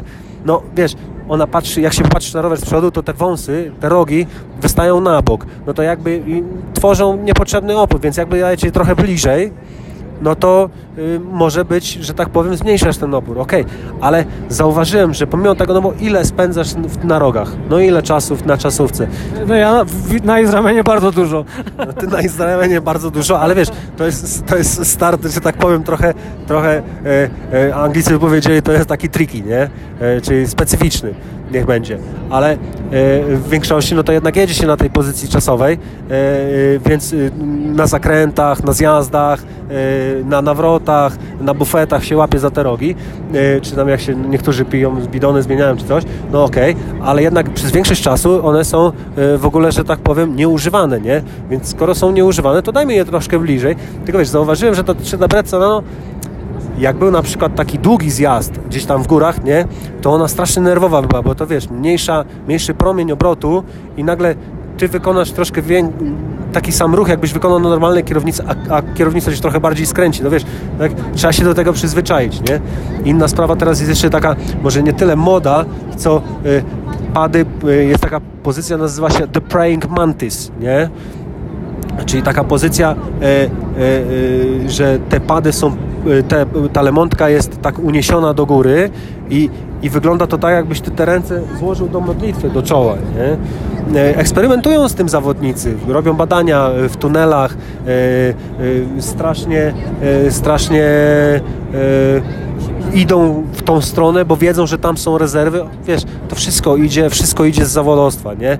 Oni szukają każdych rezerw, jakie oni już doszli, powiedzmy, wydolnościowo doszli do swoich granic, więc jedyny sposób, żeby przesuwać te granice czasowe, to jest właśnie sprzęt, pozycja. To jest, i, I to jest super, bo to pokazuje nam, pozwala nam, amatorom, czy to z głębszym, czy z płytszym portfelem, y, różne, wiesz, stosować triki, że też my będziemy, będziemy szybsi, nie? Więc kierownica przede wszystkim ergonomiczna. Co z tego, że ja sobie lemontkę zastosuję taką, wiesz, prostą, jak ja będę miał takie wielkie napięcie e, w nadgarstkach, to wiesz, to są też niepotrzebne, niepotrzebne, to wszystko się przekłada, bo to wiesz, naprężenia na, mięśni, niepotrzebne zmęczenie, które na koniec tak będzie ci odbierało, odbierało, zmniejszało twój performance, odbierało ci, y, może nie wpłynie bezpośrednio, że będziesz kręcił, powiedzmy, nie, no, zyskasz tam 2-3 waty na rowerze, ale nagle się okazuje, że to się przełoży na to, że ty będzie ci ciężko biec, czy będzie ci na przykład, e, nie będziesz mógł generować takich watów, jakbyś chciał, więc ta pozycja musi być komfortowa. Ty musisz się czuć w tej pozycji komfortowo i bezpiecznie. Ty musisz bez problemu panować nad rowerem, nie? Kolejny punkcik, kask czasowy. Ile taki kask czasowy może nam pomóc? Wiesz, y, kask czasowy to y, często się mówi, że to jest jeden z najtańszych sposobów na y, zaoszczędzenie czasu w triatlonie, nie? Bo kupisz, wiesz, kask czasowy można kupić już taką skorupkę, nie? Można kupić za 200 zł, nie? Y, owszem, są kaski za 1,5-2 tysiące złotych, ale to już wiesz, sam kask czasowy, taki nawet, y, nawet, y, no, kask czasowy nawet taki e, e, prosty, nazwijmy to, ale czasowy, no to wiesz, mówimy o, i gdybyśmy mieli to przekładać e, na zysk czasowy, no to wiesz, to są e, pomiędzy zwykłym kaskiem szosowym, a kaskiem czasowym, no to mówimy nawet o kilkunastu, dwudziestu kilku watach różnicy nie? samym kasku, nie? bo to jest też, wiesz, pierwsze miejsce kontaktu y, y, powietrza z tobą, nie? Oprócz tego ten kask będzie wpływał na to, jak, ten, jak to powietrze będzie ci opływało.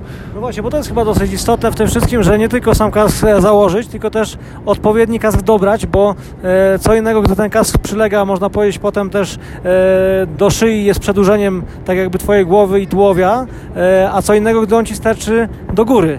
Tak, bo to wiesz, inna sprawa jest też taka, jeżeli, bo ten kask, tradycyjne kaski czasowe, takie jak były popularne jeszcze 10 lat temu, czyli z tą długą, nazwijmy to płetwą, ona była skonstruowana tak, że jak ty wiesz, głowę miałeś w pozycji takiej, że w pozycji czasowej patrzyłeś przed siebie i on, ten kask praktycznie do, dotykał dotykał Twoich pleców, no to wiesz, to, to jest wtedy pozycja taka najbardziej optymalna, żeby z niego korzystać. Ale w momencie, kiedy Ty patrzysz na przykład na swoje koło czy na licznik, to ty, ten, ten kask będzie, wiesz, do góry, nie? Czyli Ty będziesz miał żagiel, który będzie Ci przeszkadzał. Więc jeżeli... Przy, przy doborze e, kasku warto zwrócić na to uwagę i jeżeli po prostu masz głowę ułożoną w ten sposób, że ten kask będzie właśnie, ten czubek tyłu kasku będzie uniesiony do góry, to po prostu trzeba krótki kask dobierać, tak? Tak, to wtedy dobrać do tego krótszy kask. Są też kaski, wiesz, ten kask nie musi być długi. To już pokazały firmy na przykład jak Specialized, jak e, Trek. Zrobiły kaski, e, e, Specialized ma e, taki kask, e, on się nazywa Trivent, e, S-Works Trivent, e, czy Bontrager, Ballista bodaj. Jest taki e, kask Aero Treka. To wiesz, to są krótkie kaski i one też dają spore zyski czasowe. Więc trzeba je dobrać do, do tego, jak, jak, my, jak my mamy ułożoną głowę. E, no i to są najtańsze, najtaniej za, zaoszczędzony czas, nie? Poza kaskiem słyszałem, że dużą robotę robi strój triatlonowy z rękawkami. E, no właśnie, wybrać z rękawkami, bez rękawków, dwuczęściowy, jednoczęściowy. Jak to się przekłada na aerodynamikę? Wiesz, tutaj też dochodzi sprawa komfortu. Bo e, na długim dystansie czasem może się okazać, że lepszy będzie strój dwuczęściowy, nie? E, ten strój musi być też dopasowany do sylwetki, bo to nie, nie mogą się tworzyć, wiesz, fałdy tego, w ty w pozycji czasowej, bo to wiesz, często jak przymierza się e, strój startowy, to ludzie go przymierzają tak, że po prostu, wiesz, no jak Tak przymierza... jak garnitur. Tak jak garnitur, stanął, zobaczył się w lustrze, pasuje, pasuje, poklepał się po brzuchu, jest okej, nie? Potem się okaże, że robi skłon w przód, a to odstaje mu cały przód. Odstaje cały przód, czy robią się na przykład e, fałdki, robią się, e, wiesz, materiał się zawija na ramionach i, i to tylko niepotrzebnie będzie się majtało e, i będzie nas spowalniało. Ale jeżeli ten, ten, ten trisuit, ten, ten strój startowy jest odpowiednio dobrany rozmiarowo, czyli odpowiednio nas opina, jeżeli jest wykonany z odpowiedniej tkaniny, nie, to już chyba każdy pływak wie, że odpowiednia tkanina ma znaczenie, bo przecież FINA pozabraniała tych strojów. Pamiętasz, jak pływacy pływali, to chyba Skóry z pingwina tak zwane. tam, tam, tylko brakowało tam jeszcze jednego w burkini, żeby pływał, nie? Tak już byli zabudowani, to się zastanawiałeś, czy to jeszcze pływanie, to może już nurkowanie, nie? Ale bo, bo zabraniane było to, bo to wiesz, to, to, to hydrodynamika, aerodynamika to są dwie pokrewne nauki, nie? To są te same prawa, to są te same prawa, tylko zmienił się ośrodek, woda, powietrze, nie? Więc jeżeli to jest odpowiedni materiał, to wiesz, są firmy takie, i, które potrafią zrobić yy, strój, dzięki któremu przy prędkości 36 na godzinę ty na połówce za, za, za, yy, zaoszczędzisz 80 sekund, nie? To jest, wiesz, to jest minuta, półtora na samym stroju. Wiadomo, e, e, rękawki jak najbardziej tak, nie? Bo są bardziej opływowe. E, ten strój musi przylegać. Ale widzisz, jak jesteśmy przy stroju, to powiedzmy o jednej rzeczy. Numer. No właśnie, bo widziałem, że ty masz numer nie tak jak ja powieszony po prostu na pasku, gdzie on sobie tam dynda. Ja co prawda ekspertem od sprzętu nie jestem i, i chyba nigdy nie będę, ale, ale ty e, dbasz o szczegóły, dbasz o drobiazgi. No i ten numerek miałeś tak ładnie zafoliowany, że tak powiem. Miałeś coś takiego specjalnego, gdzie ten numerek właśnie nie dyndał ci na wietrze. Słuchaj, no ja na przykład do mojego stroju startowego mam takie dwa rzepy na pośladkach, mam strój startowy, mam numer startowy w takim specjalnym, e, w specjalnym takim uchwycie i ten numer jest e, na tym rzepie przyklejony do moich, do moich pośladków, wiesz. Także on, on nie jest taką flagą powiewającą, która tylko zaburza mi ten przepływ powietrza, nie? Więc staram się, no wiesz, kurczę, no chcę być jak najlepszy w tym, co robię. No, jeżeli tu zaoszczędzisz 2 waty, tam 5 watów, tam 7, to ci się robi już tych watów od groma tak naprawdę. No wiesz, one się też tak nie sumują, że tu 2, tu 5, to już jest 7, nie? To nie jest prosta matematyka, ich się tak nie dodaje, bo to tak nie działa, ale wiesz, dbam o takie szczegóły, no bo tak, słuchaj, skoro ja poświęcam, powiedzmy, 20 godzin tygodniowo na trening, nie? E, zainwestowałem, wiesz, w sprzęt, nie? Poświęcam czas, poświęcam pieniądze, męczę się na treningach po to, żeby być jak najlepszy, to tak sobie myślę, no wiesz, po co ja mam, wiesz, może niewielkim nakładem ja mogę jeszcze być jeszcze szybszy, właśnie patrząc na takie rzeczy, no niektórzy mogą mówić, no pierdolnięty, no. Chyba będzie y, przyklejał sobie do dupy y, rzep, żeby mu się... 700 zł da na pokrowiec na numer. Nie no, bez przesady, nie no, nie no, to 700 zł bym nie dał za pokrowiec na numer, nie, ale y, co innego wpisowe to bym dał, nie, ale na zawody, ale na numer, na pokrowiec na numer nie, ale wiesz, to samemu nawet można zrobić. I chociaż teraz już y, przepisy się zmieniły, na wielu y, zawodach już nie trzeba jeździć z numerem, nie? Więc jeśli regulamin mówi, że nie trzeba jechać z numerem, zostaw go w strefie zmian, w worku z rzeczami, yy, yy, czy tam w kuwecie z rzeczami biegowymi, załóż go na bieg, tylko nie zapomnij, a na rowerze go nie bierz, jak ci ma tak majtać i tylko ci przeszkadzać, bo to jest, wiesz, minuta w plecy. Na takiej ćwiartce ten powiewający, falujący numer to jest minuta w plecy, jeżeli jedziesz 36 na godzinę, nie? No to wiesz, jak nie musisz mieć go na rowerze, to po co jeszcze? To wiesz, to tak jakbyś, nie wiem, z żaglem jeszcze zaczął jeździć, żeby ci ciężej było. No po co, nie? Ogolone ciało? Nogi i ręce? No, wiesz co?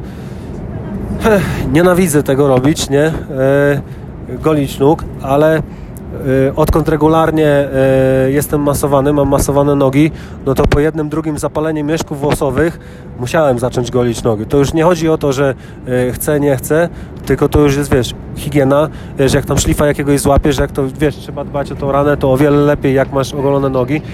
No, najważniejsza sprawa, ty no, ty na połówce zaoszczędzisz półtora minuty na ogolonych nogach.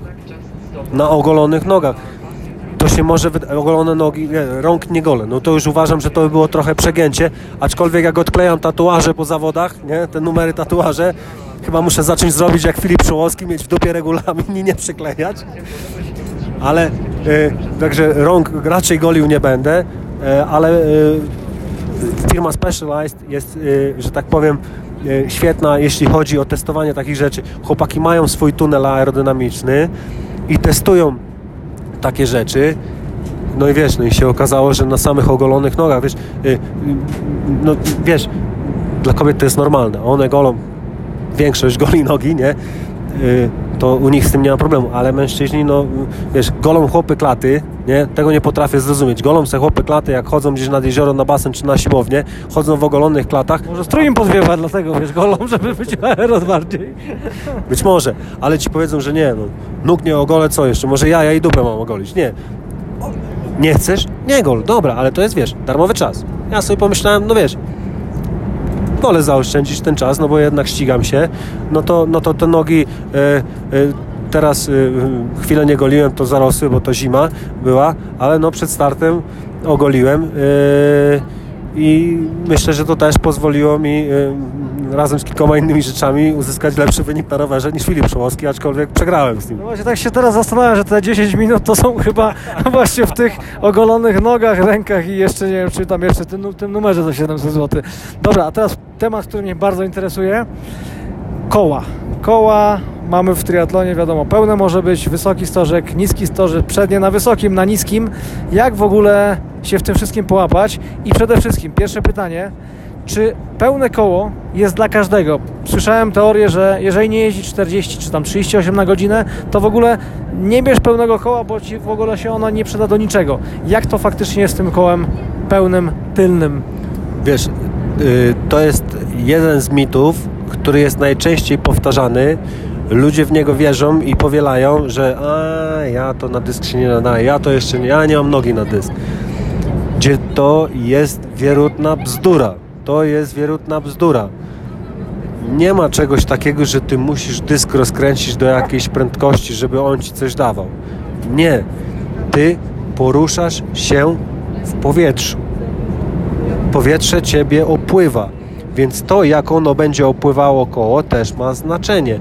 I e, wiesz, ja Ci mogę pokazać obrazki, gdzie, gdzie jest dokładnie zaznaczone, widać ten cień, jak te cząsteczki powietrza opływają, jak, gdzie ten przepływ jest turbulentny, gdzie jest laminarny, mm, żeby nie wchodzić za głęboko, e, to dążymy do tego, żeby powietrze, jak, jak będzie nas opływało, to żeby ten przepływ tego powietrza był laminarny. Laminarny znaczy się niezaburzony, żeby te cząsteczki powietrza opływały nas i nie kręciły się. Bo jak się będą kręciły, to będą, wiesz, y, nas spowalniały, żeby one jak, jak, naj, jak najpłynniej nas yy, yy, opłynęły, o, no płynnie opłynęły, jak najbardziej, żeby jak, jak najbliżej nas opłynęły i nie zaburzyło, y, no to okazuje się, że takie koło przednie wiesz, nie możemy założyć, nikt o zdrowym rozsądku nie założy na zawody e, pełnego koła naprzód, dlatego, że wiesz, tutaj jest kierownica, to się obraca, więc ciężko, wiesz, podmuch wiatru i od razu leżysz, nie? E, więc wysoki profil jest jak najbardziej pożądany bo będzie bardziej laminarny przepływ, będzie bardziej aerodynamiczny, będziemy szybsi. Więc poza tym te koła wyglądają, wiesz, to jest, to jest taka pornografia, nie? To rower czasowy na porządnych kołach to... To jest rower czasowy, a nie tam jakaś popierdółka. A nie killer. E, to wiesz, tylko, że to, to koło też nie może być za wysokie, nie? Ja pamiętam kiedyś y, na treningu miałem koła o stożku 4 cm y, i wyprzedzał mnie tir, to mi praktycznie kierownicę wyrwało z rąk, nie? A miałem tylko 4 cm profil, więc to też nie może być, albo chyba, że ktoś ma ten komfort i ma na dni bezwieczne koło 10 cm, z 10 cm stożkiem naprzód, a na wieczne czy tam górskie warunki ma koło z 3 cm czy tam 4 cm profilem. Jest różnica jakaś, znaczy, albo inaczej, jaka jest różnica właściwie, jeżeli ktoś jeździ 32 na godzinę, 40 na godzinę? Czy któryś z nich pojedzie zdecydowanie szybciej na pełnym kole? Wiesz, słuchaj, e, ja e, to kiedyś liczyłem, bo e, mówiłem już o tym wiatrze pozornym, czyli wiesz, nie za, praktycznie zawsze na zawodach będziemy mieli wiatr, powiedzmy, ten, który będzie działo na nasze koła jest z tego zakresu plus minus 20 stopni, nie? To wiesz, najlepsze dyski to mogą osiągnąć nawet przy określonych kątach ujemny, ujemny e, e, ten e, ujemny opór, nie? Czyli jeszcze nas będą niosły, nie? Wiesz, dla przykładu zwykłe koło, nie? Zwykłe koło, takie y, aluminiowe z niskim stożkiem, y, prawie 1,5 newtona y, opór wynosi, a przy kącie 20 stopni dla swego czasu był taki dysk ZIP 900, to przy 20 stopniach ten opór wynosił minus 0,2 newtona, wiesz, to już jest ogromna różnica.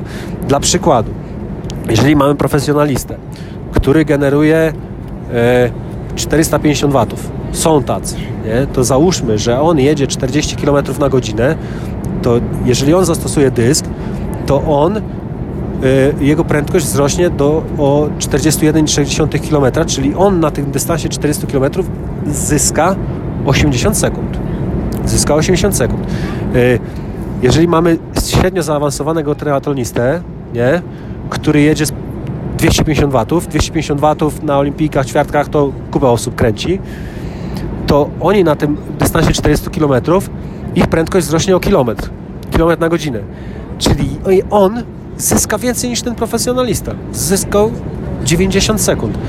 Może się to wydawać trochę, wiesz, bez sensu, co teraz mówię, no ale musimy wrócić do tego, co mówiłem na początku, że opór rośnie z prędkością, a im prędkość tam jest do kwadratu, czyli im wyższa prędkość, to ten opór rośnie, więc ten, y, ten profesjonalista jadący szybciej zyskał czasowo mniej na tym dysku niż ten wolniejszy zawodnik.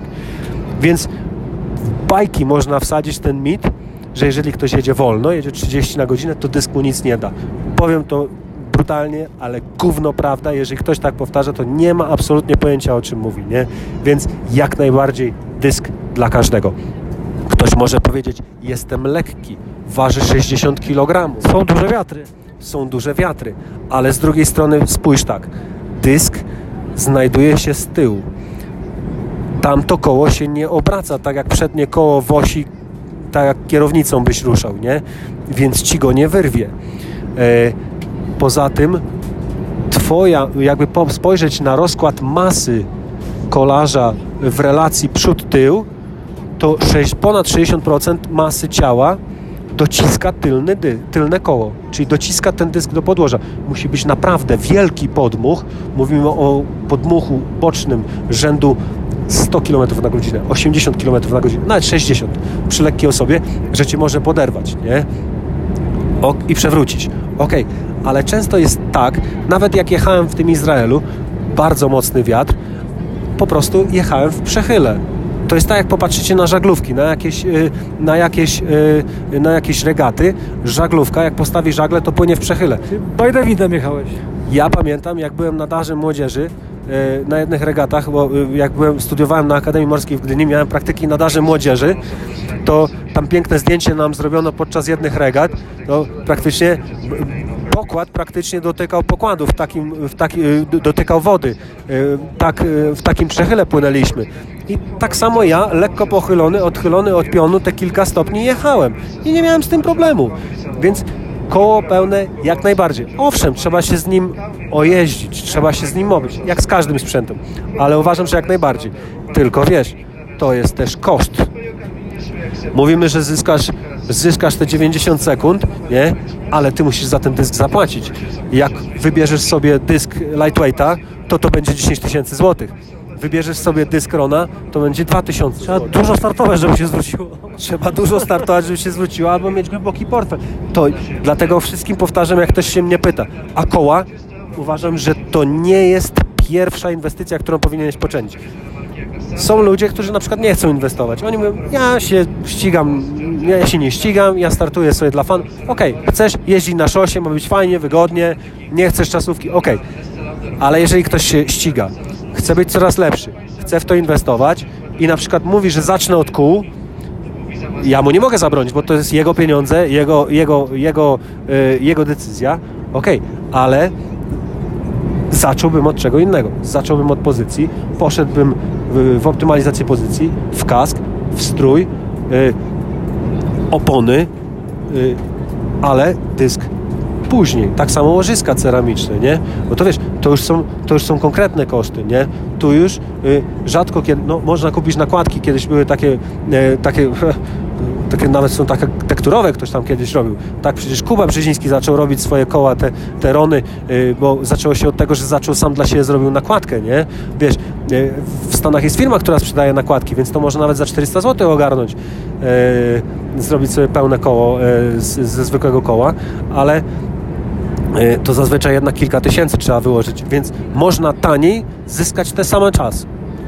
A jak to wygląda z kołem przednim? E, oczywiście można założyć wysoki, niski stożek już, bądź tam niemalże zerowy, czy tam kilkucentymetrowy. E, duże wiatry, odradzasz wysoki stożek. Kiedy polecasz go? Kiedy polecasz niski stożek? Wiesz, to też musi być tak, że e, tu wchodzi też kwestia e, umiejętności technicznych, nie? Bo są ludzie, którzy nawet przy małym wietrze E, przy małych podmuchach nie są przystosowani, nie są objeżdżeni w terenie na czasówce, w pozycji czasowej. Boją się roweru, boją się takich podmuchów, są nerwowi podczas jazdy. To u nich w takiej sytuacji jak najniższy. 3 cm, nie? Trudno, ty masz być bezpieczny. To ma być, zawody mają być bezpieczne dla ciebie i dla innych, bo pamiętaj, że nie jesteś sam na drodze. Za to też ktoś może jechać, ty upadniesz, on jedzie szybko. Kwestia kilku sekund, mm, zagapi się, wjedzie w ciebie, tak się zdarza. Więc e, niech to będą 3-4 centymetry, nie? Jeżeli ktoś jest silnym zawodnikiem, jak wie, tak na przykład jak my jechaliśmy, trzeba było jechać w skupieniu, mocno trzymać tą lemontkę, to niech to będzie, to może być nawet 6 centymetrów. Są ludzie, którzy w bezpieczne dni zakładają 10. To jest dla mnie osobiście, jeździłem z takim kołem, próbowałem na treningach, dla mnie to było za dużo, nie? Ja najbardziej się komfortowo czuję, jak mam 6, 6 centymetrów y, stożek i uważam, że y, to jest taka wartość optymalna, powiedzmy 5-6 centymetrów. A jeszcze wysoki stożek i pełne koło na podjazdach, na górach, e, na zjazdach. E, jak to się przekłada na, na zaoszczędzony czas? No wiesz, y, na podjeździe dochodzi coś takiego jak masa. Nie? E, tam niestety y, mamy, jeśli chodzi gruby na bramkę i ma ciężko zawsze. Na, gruby zawsze będzie miał ciężko. I na biegu, bo na przykład jak jest gorąco, to y, o wiele ciężej będzie mu się biegło e, niż chudy, a na podjeździe, no to wiesz, to już każda, każdy gram ma znaczenie, więc jeżeli tych podjazdów jest dużo, jest dużo tych przewyższeń, no to wtedy y, dysku bym nie brał, nie? Jak jest bardzo, bardzo, ale to bardzo wiecznie, dysku bym nie brał. Ale wiesz, patrzymy taką, komuś się może wydawać, że w Gdyni jest górzysta trasa. Nie, to nie jest górzysta trasa. Tam mamy jeden podmiast e, na Marszewskiej, później mamy po prostu e, kaszubski standard, czyli po pofałdowany teren, no to tam y, Gdynia jak najbardziej dysk, jeżeli ktoś ma dylemat, nie? Y, wiesz, ja nawet jak startowałem w Celamzeje, y, to tam dość duży podjazd, też wziąłem dysk, no bo dobra, tego podjazdu będzie godzina, a później jest zjazd, później jest płasko, nie? E, ale na przykład na Norsemana już tego koła pełnego bym nie wziął, nie? Do, do Szwajcarii nie wziąłem, ale uważam, że w kraju na wszystkich trasach dysk. Ok, jesteśmy przy kołach. Jak jesteśmy przy kołach, to w okolicy kół znajdują się łożyska. Łożyska ceramiczne to jest Twój konik. E, jesteś przedstawicielem sprzętu. Teraz chwila na reklamę, autoreklamę i opowiedz coś o tych łożyskach, co one dają, na co się przekładałem i dlaczego były e, drugim najlepszym wyborem na Hawajach chyba dwa lata temu, tak? Czy najczęściej wybieranymi łożyskami? Wiesz, słuchaj, e, po pierwsze nie przedstawicielem, tylko Producentem. Producentem. Przepraszam. Producentem. Wiesz, e, już słyszałem trochę plotek na swój temat, że sprzedaje chińszczyznę, e, kupuje coś na AliExpressie i później sprzedaje. Nie, nie, nie. To jest 100% produkcji w Polsce i to my produkujemy w naszym zakładzie produkcyjnym w Środzie Wielkopolskiej. Wszystko tam jest robione. My produkujemy wszystko w Polsce. Ale to nie tylko my jest duński lider rynku Ceramic Speed, jest polski C plus Ceramic, jest y, Cycling Ceramic, y, Cycling Ceramic francuski, jest y, jeszcze kilka innych firm. Twoja marka jak się nazywa? C plus Ceramic produkujemy y, łożyska ceramiczne. Wiesz, to się zaczęło od łożysk ceramicznych, y, od smarów. Y, taki to, temat, wiesz, to kolejna sprawa, wiesz, jak ja kupiłem swój pierwszy wózek, chciałem... To, czyli te małe kółeczka takie, które, które, przez które łańcuch przechodzi.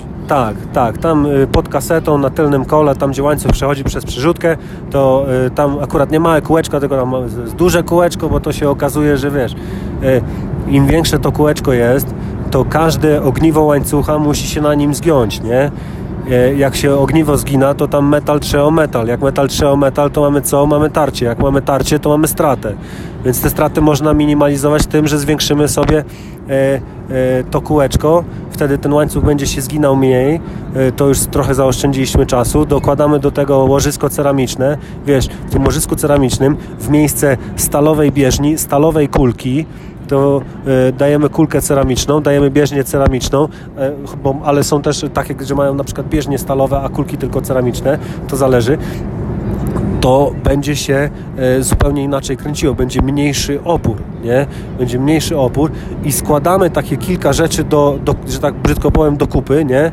I nagle się okazuje, że jeżeli my zmienimy sobie łożyska, e, złożymy, zmienimy sobie łożyska e, wkładu supportu, czyli tam, gdzie e, korba wchodzi w ramę, jeżeli my będziemy mieli kółka tylnej przerzutki które też będą miały łożyska ceramiczne. Jeżeli będziemy mieli w kołach też łożyska ceramiczne, no to jak my wszystko to złożymy, nie, to zaoszczędzimy 10 watów, nie? To jeżeli generujemy y, tych 250 watów, nie, to nie działa tak, że nagle tych watów na liczniku się pokaże 260, bo dodałem. Nie, nie, nie. My cały czas generujemy te 250 watów, y, tylko że po prostu y, z naszych nóg na tylne koło trafi nie na przykład 220, tylko 230 bo po drodze mniej stracimy. Wiesz, jest y, takie pojęcie sprawności układu napędowego, nie? Y, bardzo ważne, y, bardzo ważny parametr, nie? Pamiętam jak, wiesz, porównanie takie sprawność silnika, maszyny parowej, silnika elektrycznego, wiesz, to, to, to wiesz, to są, to, to, to takie wartości się sprawdza to nagle się okazuje, że te 10 watów zaoszczędziliśmy, bo ono poszło bezpośrednio, no nie poszło jak krew w piach, tylko poszło bezpośrednio na napęd. Na, na napęd. No to dajmy na, na, na, na przykład takiego mnie, 76 kg ważę, e, rower 8, mamy 84 sumę, e, generuje 250 watów, nie? I nagle się okazało, że jadąc 36 na godzinę, to sobie wyliczyliśmy, że zamiast 36 ja jadę 36,8, nie? Czyli na połówce na 90 kilometrach to kurczę yy, zaoszczędziłem, wiesz, pół kilometra daje mi, na, 80 km na godzinę daje mi dwie minuty czasu. Dwie minuty czasu. Tylko i wyłącznie ta ceramika. Więc naprawdę jest kupę czasu do urwania. Kupę czasu do urwania. No wiesz, no, zrobiłem postęp na rowerze yy, yy, wydolnościowy, jestem lepszym kolarzem, no ale cały czas się szuka tych rzeczy. No i wiesz, no, te 2.15 na połówce, które kręcę, no sufitu ci się nie wzięło. To jest suma ciężkiej pracy na treningach, plus właśnie takiego urywania troszkę tu, troszkę tu, troszkę tu i nagle 2.15. I z tego można robić fajne wyniki, nie? E, napęd jednorzędowy, kolejna to jest sprawa i jeszcze mamy opony. O oponach za chwilę szerzej, ale najpierw o napędzie jednorzędowym. To jest coś w miarę nowego. E, jak to się też przekłada na, e, na aerodynamikę, na zwiększenie tempa jazdy, jak to wygląda? Wiesz, tutaj, tutaj ma taka dygresja, bo wiesz, bo ja pamiętam, jak ja na przykład yy, byłem u pierwszej komunii świętej, yy, rok bodajże 91, to na osiedlu była taka moda. Yy, to był czas, kiedy pierwsze górale się pojawiały, nie? Chłopaki dostawali rowery na na górale dostawali na, na komunię, nie? A ja dostałem od ojca szosę, nie? I oni tak z pojedytowaniem popatrzyli i mówią e, 14 przerzutek. Ja mam 21, nie? Lepszy był ten nie, który był szybszy, tylko ten, który miał bardziej bajerancki rower, więcej przerzutek. I, i kiedyś to faktycznie tak było, e, ale wiesz, niektóre firmy e, miały, tak na przykład SRAM miał, że jego e, ich przednie przerzutki to było ich najsłabsze ogniwo, nie? Dlatego SRAM wyeliminował tą przednią przerzutkę, zrobił krok do tyłu. Nie? No bo y, przełożenia się wzięły, wiesz, jak Tullio Campagnolo pierwsze, pierwszą przerzutkę, y, a inaczej, wiesz w ogóle jak się kiedyś w kolarstwie, jak chłopaki jeździli pierwsze, tam może nie pierwsze, a te 60 lat temu jak jeździli Giro czy Tour de France, wiesz jak, jak mieli przełożenia? Nie wiem. Y, przed podjazdem on ściągał tylne koło i je obracał, bo z drugiej strony koła miał inną zębatkę tak, wyglądał, tak wyglądała zmiana przełożenia na, przed podjazdem, nie? Chłopaki się zatrzymywali, ściągali koła, obracali i wiesz, z, drugą, z drugiej strony, nie, tam gdzie na przykład w hamulcach tarczowych, tam gdzie jest tarcza, to oni tam mieli drugie, drugą zębatkę, nie? I tak to wyglądało. E, później Tullio Campagnolo, geniusz, dzięki któremu wystartował z, później ze swoją działalnością firma znana na całym świecie Campagnolo, teraz troszkę w odwrocie, e, przyćmiona przez Sama i, i Shimano ale trzeci z, z wielkich producentów y, osprzętu, y, to wiesz, on stworzył przerzutkę i więc postęp techniczny zaczęło się od tego, że z jednego, z jednego przełożenia mieliśmy tych przełożeń coraz więcej i wydawać mi się mogło, że zrobiliśmy krok wstecz w momencie, kiedy SRAM y, zaczął promować napędy jednorzędowe. Ale zwróć uwagę, że w kolarstwie górskim to były same plusy, bo pozbyłeś się przedniej przerzutki, punktu problematycznego, zredukowałeś wagę, nie? I później się okazało, jakby tak, wiesz, jak ludzie zaczęli o tym myśleć, że ty, a po co mi w triatlonie ta przednia przerzutka? Ostatnio się tak zapytałem Tomka Brembora, bo wiesz, jesteśmy na etapie, e, na etapie przygotowywania dla niego roweru na nowy sezon, wiesz, rama zamówiona i teraz trzeba e, osprzęt dobrać. I ja mówię do Tomka, ty, ile razy zmieniasz przerzutkę na zawodach? E, przód zjeżdżasz na na, na małą tarczę. On mówi, no w zeszłym sezonie ani razu. Ja mówię, no właśnie. No właśnie, zastanówmy się, policzmy to. Pokazałem mu tabelki. Mówię, Tomek, patrz, to jest zakres przełożeń, to jest Twoja obecna konfiguracja, kaseta 1125, Twoja korba 5439, taki masz zakres przełożeń, masz przykładowo 22 przełożenia, a tak naprawdę 7 ci jest dubluje się. Czyli nagle się okazuje, że masz tylko 14 czy tam 15 unikalnych przełożeń, konfiguracji, nie? Reszta to już pokrycie, nie? Więc yy, mówię, popatrz, owszem, będą troszkę większe skoki, ale mnie to nie przeszkadza. Ja to miałem wypróbowane w MTB, wiesz, w MTB mam kasetę 1050 z takim rozstrzałem, więc mi nie przeszkadza, jak ten skok będzie, wiesz, tam kadencja mi spadnie po zmianie przełożenia, nie będę miał 93 idealnie jak w laboratorium, tylko nagle się zrobi 89. Ja nie mam z tym problemu, więc wiesz, yy, pozbycie się przedniej przyrzutki w triatlonie powoduje nieco, ale to są minimalne wartości. Polepszenie e, aerodynamiki przez e, troszkę uporządkowanie tego obszaru koło nóg, koło korby, chociaż tam i tak się dzieje tragedia, jakby się popatrzyło na to, jak się zachowuje tam powietrze. Wiesz, tam się kręcą nogi, tam jest w ogóle katastrofa, jeśli o to chodzi. E, ale jest troszeczkę, odrobinkę jest lepiej aerodynamicznie, jest lżej, bo pozbywamy się, pozbywamy się, chociaż to nie jest najważniejsze, ale tu chodzi o to, że wiesz, pozbywamy się tej przyrzutki, która jest nam niepotrzebna. Mamy odpowiednio z tyłu, mamy przyrzutkę, która ma sprzęgło, czyli cały czas będzie napięty, napięty ten łańcuch. Ten łańcuch nie spadnie, nigdzie się nie zakleszczy, nie? Y, mamy szeroki zakres przełożeń y, i niepotrzebna jest ta przyrzutka. Tak jak jest niepotrzebna, to po co Ci ona? Opony czy szydki? Opony czy szybki. Kurczę, słuchaj, tu to można, jakbyśmy siedli tak z litrem wódki, to moglibyśmy się nie dogadać, nie? Nie skończyć. Ja, ja ci powiem od razu, że ja mam uraz do szytek, ja naprawdę jestem słaby sprzętowo, ale trzy razy w życiu miałem szytkę założoną i trzy razy złapałem kapcia po pięciu minutach jazdy za każdym razem było to samo. Dlatego jestem antyszytkowy, ale to jest taki mój uraz dzieciństwa, nazwijmy to. Ale chciałbym dowiedzieć się, jaka jest różnica właściwie i co jest lepsze i co jest lepszym wyborem dla, dla przeciętnego takiego triatlonisty. Wiesz, yy, ja na szczytkach swego czasu jeździłem. Nie wiem, kiedy ty jeździłeś na tych szczytkach, ale ta technologia wykonania tych szytek się cały czas zmienia, nie? Inaczej, są szydki i szydki. Ty możesz kupić szydkę najtańszą, a kupisz dobrą szydkę, to zapłacisz 400 zł, nie? E, więc y, to też trzeba mieć pecha, wiesz, ja pamiętam, y, takie jest powiedzenie i ono jest bardzo bliskie prawdy, że jak łapiesz gumę na szydce, to albo się dowiadujesz o tym w momencie, kiedy złapałeś tą gumę, albo się dowiadujesz następnego dnia. Nie? Ja tak miałem po którymś starcie w suszu, że wiesz, e, start był bodaj w niedzielę, a ja w poniedziałek miałem tam dwie godziny luzu takiego, wiesz, tylko żeby nogę przekręcić, żeby noga puściła. Taki regeneracyjny trening. Wsiadam na rower, a z tyłu pusto, nie? Zaczynam patrzeć, dziura w szydce, nie? Ale na zawodach o tym nie wiedziałem, bo to powietrze tak powoli schodziło, nie? Że tego nie wiedziałem. A chyba, że ulegnie rozcięciu, no to wtedy automat momentalnie, nie? E, co jest lepsze?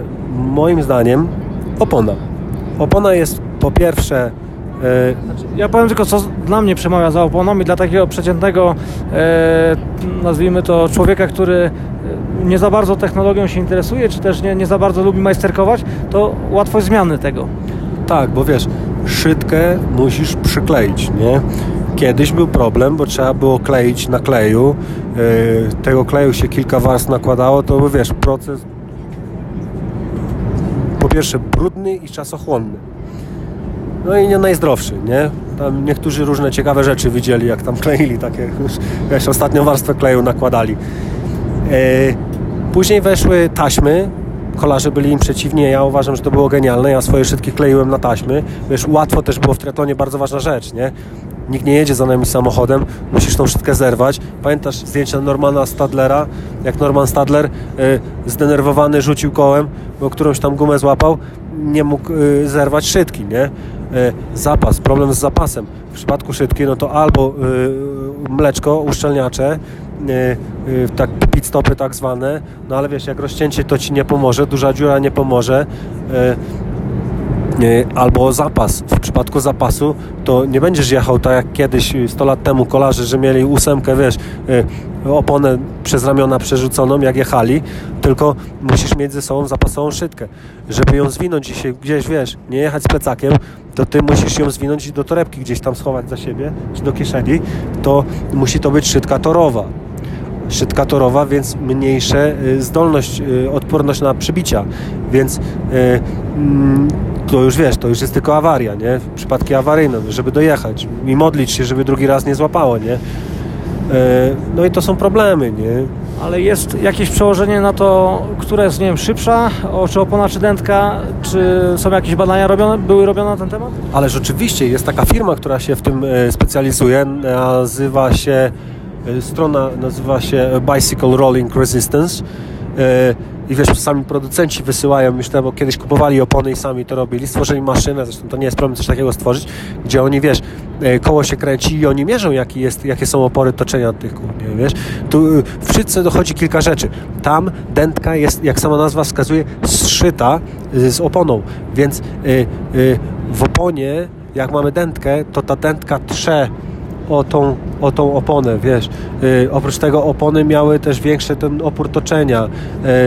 Yy, yy, szybki były lżejsze, szybki były, miały mniejsze opory toczenia, były po prostu szybsze, nie? Ale technologia poszła tak do przodu. Firmy, które produkują ogumienie, tak bardzo się wyspecjalizowały, że okazuje się, że bardzo dobre opony mają lepsze, mniejsze opory toczenia niż słabe szybki a najlepsze opony już dorównują najlepszym szydkom. Do tego doszły jeszcze opony bezdętkowe, czyli następna rzecz, którą dostaliśmy w prezencie od, od kolarstwa górskiego. Lżejsze są przez to? Wiesz, to zależy ile mleka wlejesz, nie? To też trochę inna konstrukcja koła, yy, więc no, powiedziałbym, że wychodzimy na zero, ale Najważniejsze jest to, że eliminujesz dętkę.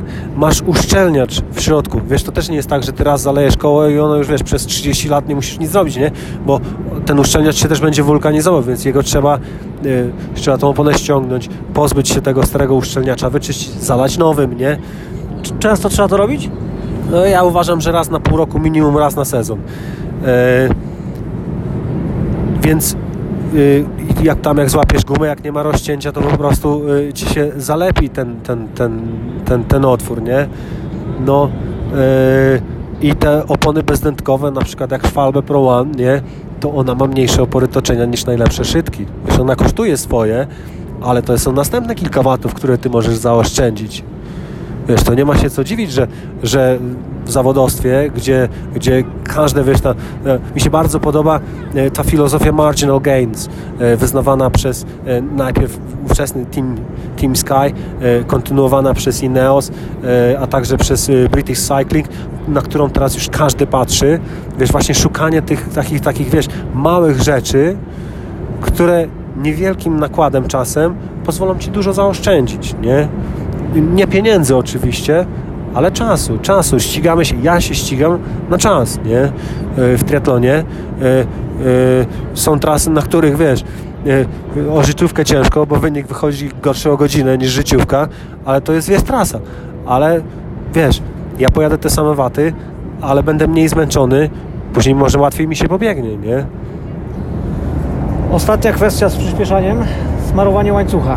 Eee, też rozmawialiśmy przed tym podcastem. Mówiłeś, że też ładnych kilka watów można zaoszczędzić, jeżeli używamy specjalistyczne preparaty, nie WD-40, jak, jak to w sumie ja robię cały czas, tylko, tylko coś innego. Z czym powinniśmy sparować łańcuch, żeby, żeby przyspieszyć? Zacznijmy od tego, że WD-40 przepraszam, ale ciężko mi mówić, nie? WD-40 nie jest preparatem do smarowania. No to obalam tą teorię, bo jest. tak to jest, jak dwa bieguny się spotkają. No to wiesz co, to równie dobrze mógłbyś smażyć jajka dzieciom na tym WD-40, nie?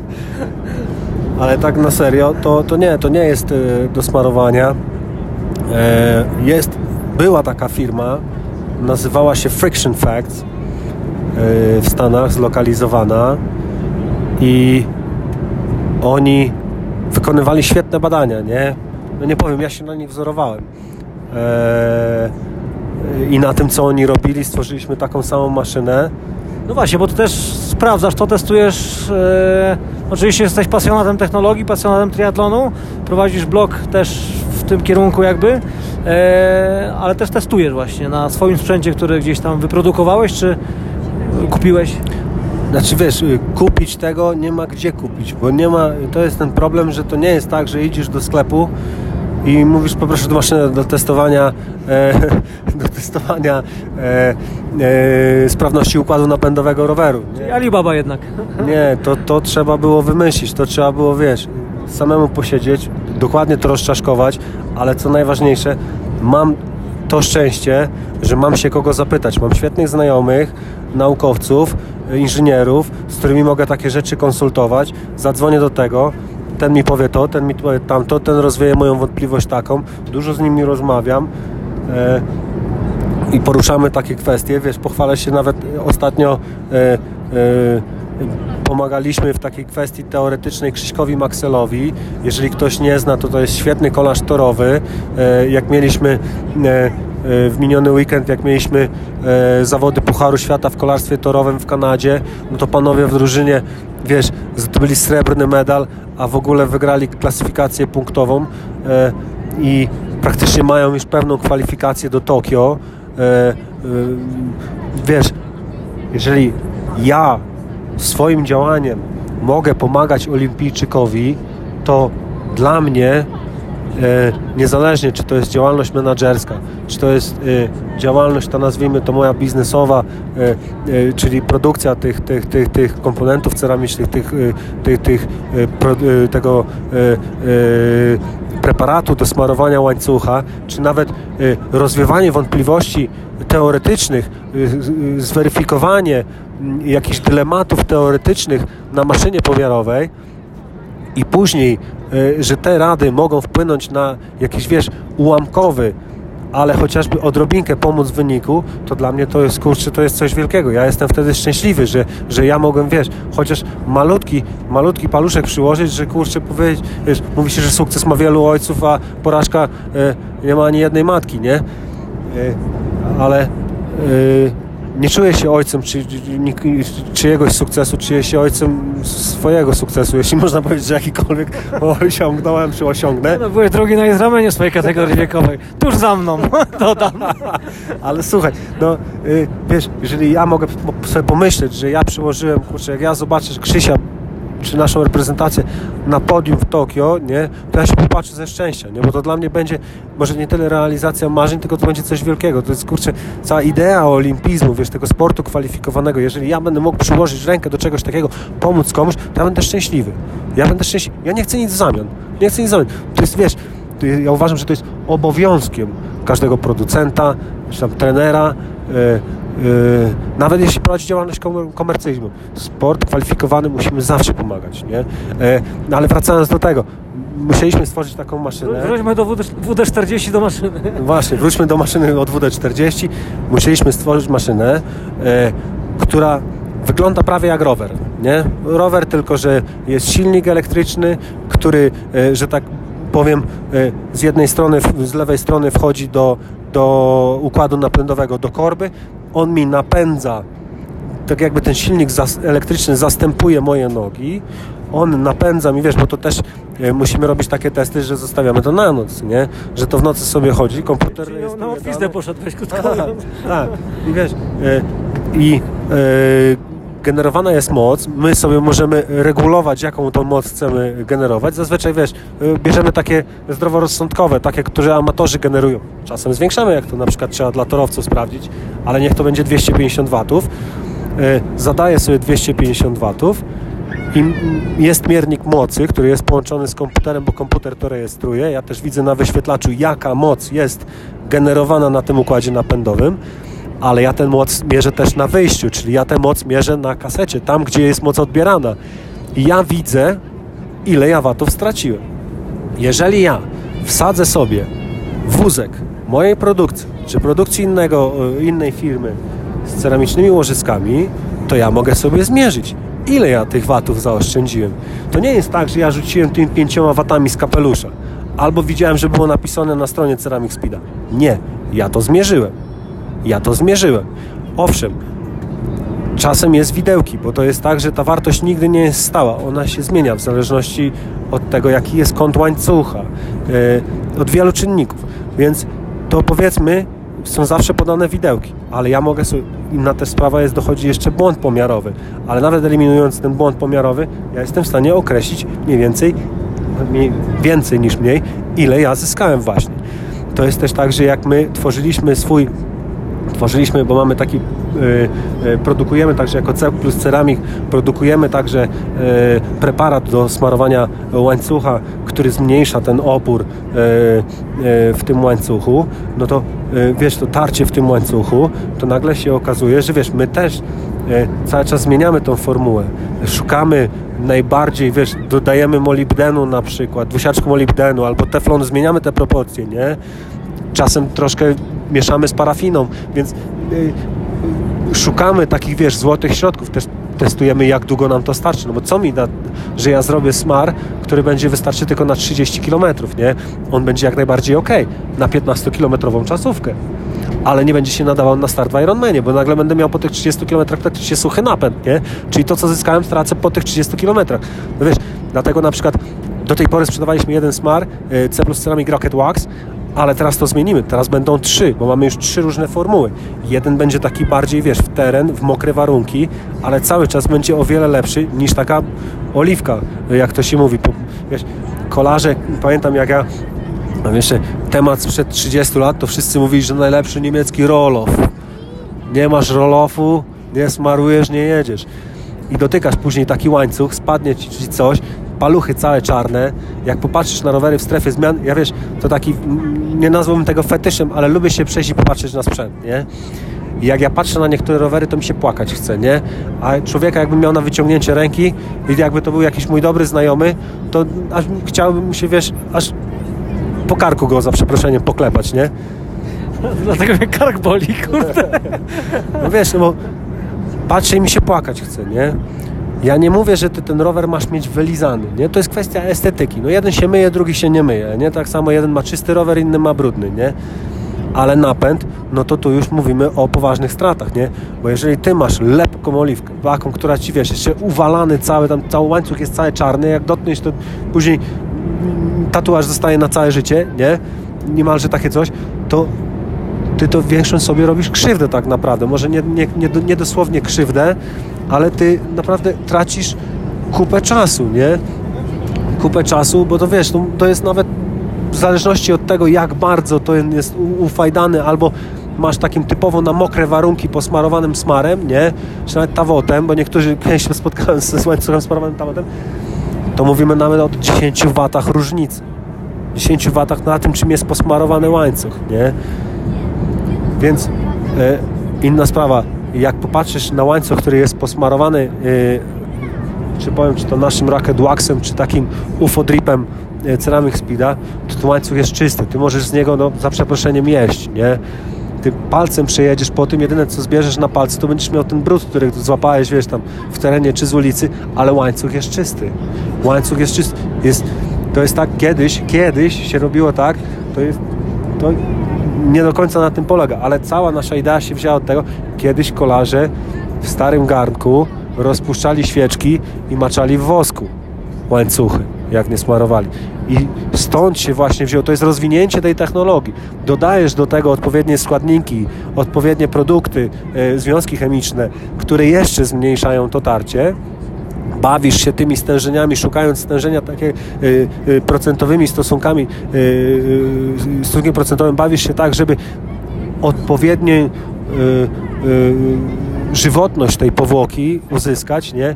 sprawdzasz, przykładowo 6 godzin działa ta maszyna i sprawdzasz, bierzesz to, rozbierasz ten łańcuch pod mikroskop, wsadzasz, wiesz, rozkuwaczem i sprawdzasz pod mikroskopem, patrzysz, ile tej powłoki faktycznie zostało, na, tym, na, tym, na tych pinach i, i widzisz i jesteś w stanie to mierzyć, nie?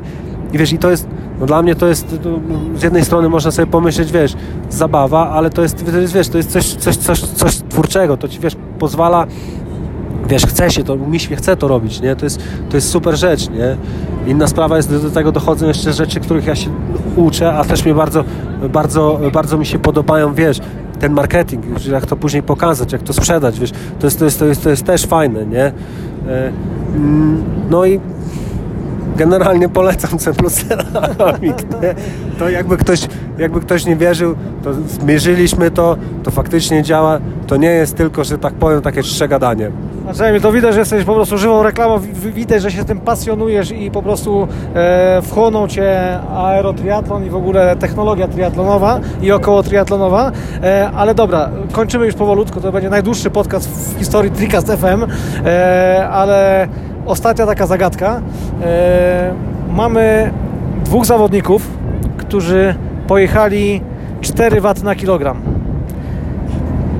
E, to jest coś, o czym rozmawialiśmy wcześniej. E, mamy tych zawodników, którzy pojechali te 4 W na kilogram. Czy ten przelicznik warto brać pod uwagę? To znaczy, czy ci dwaj zawodnicy pojadą dokładnie ten sam czas na zawodach, te 90 km załóżmy na połówce, czy to będą, mogą być inne czasy przy różnych trasach, e, przy różnej posturze zawodnika, przy różnej wadze i tak dalej, i tak. Jak to powiedz wygląda w rzeczywistości i na tym przykładzie dwóch kolegów Rucińskiego i Bogdziewicza może powiedzmy. Słuchaj, Zacznijmy, zacznijmy od małej dygresji. Może i to będzie Twój najdłuższy podcast, na pewno nie będzie mój najdłuższy, nie?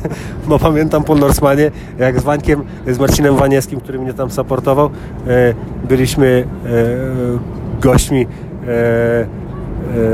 w kropce na DM, to tam to trwało ponad dwie godziny.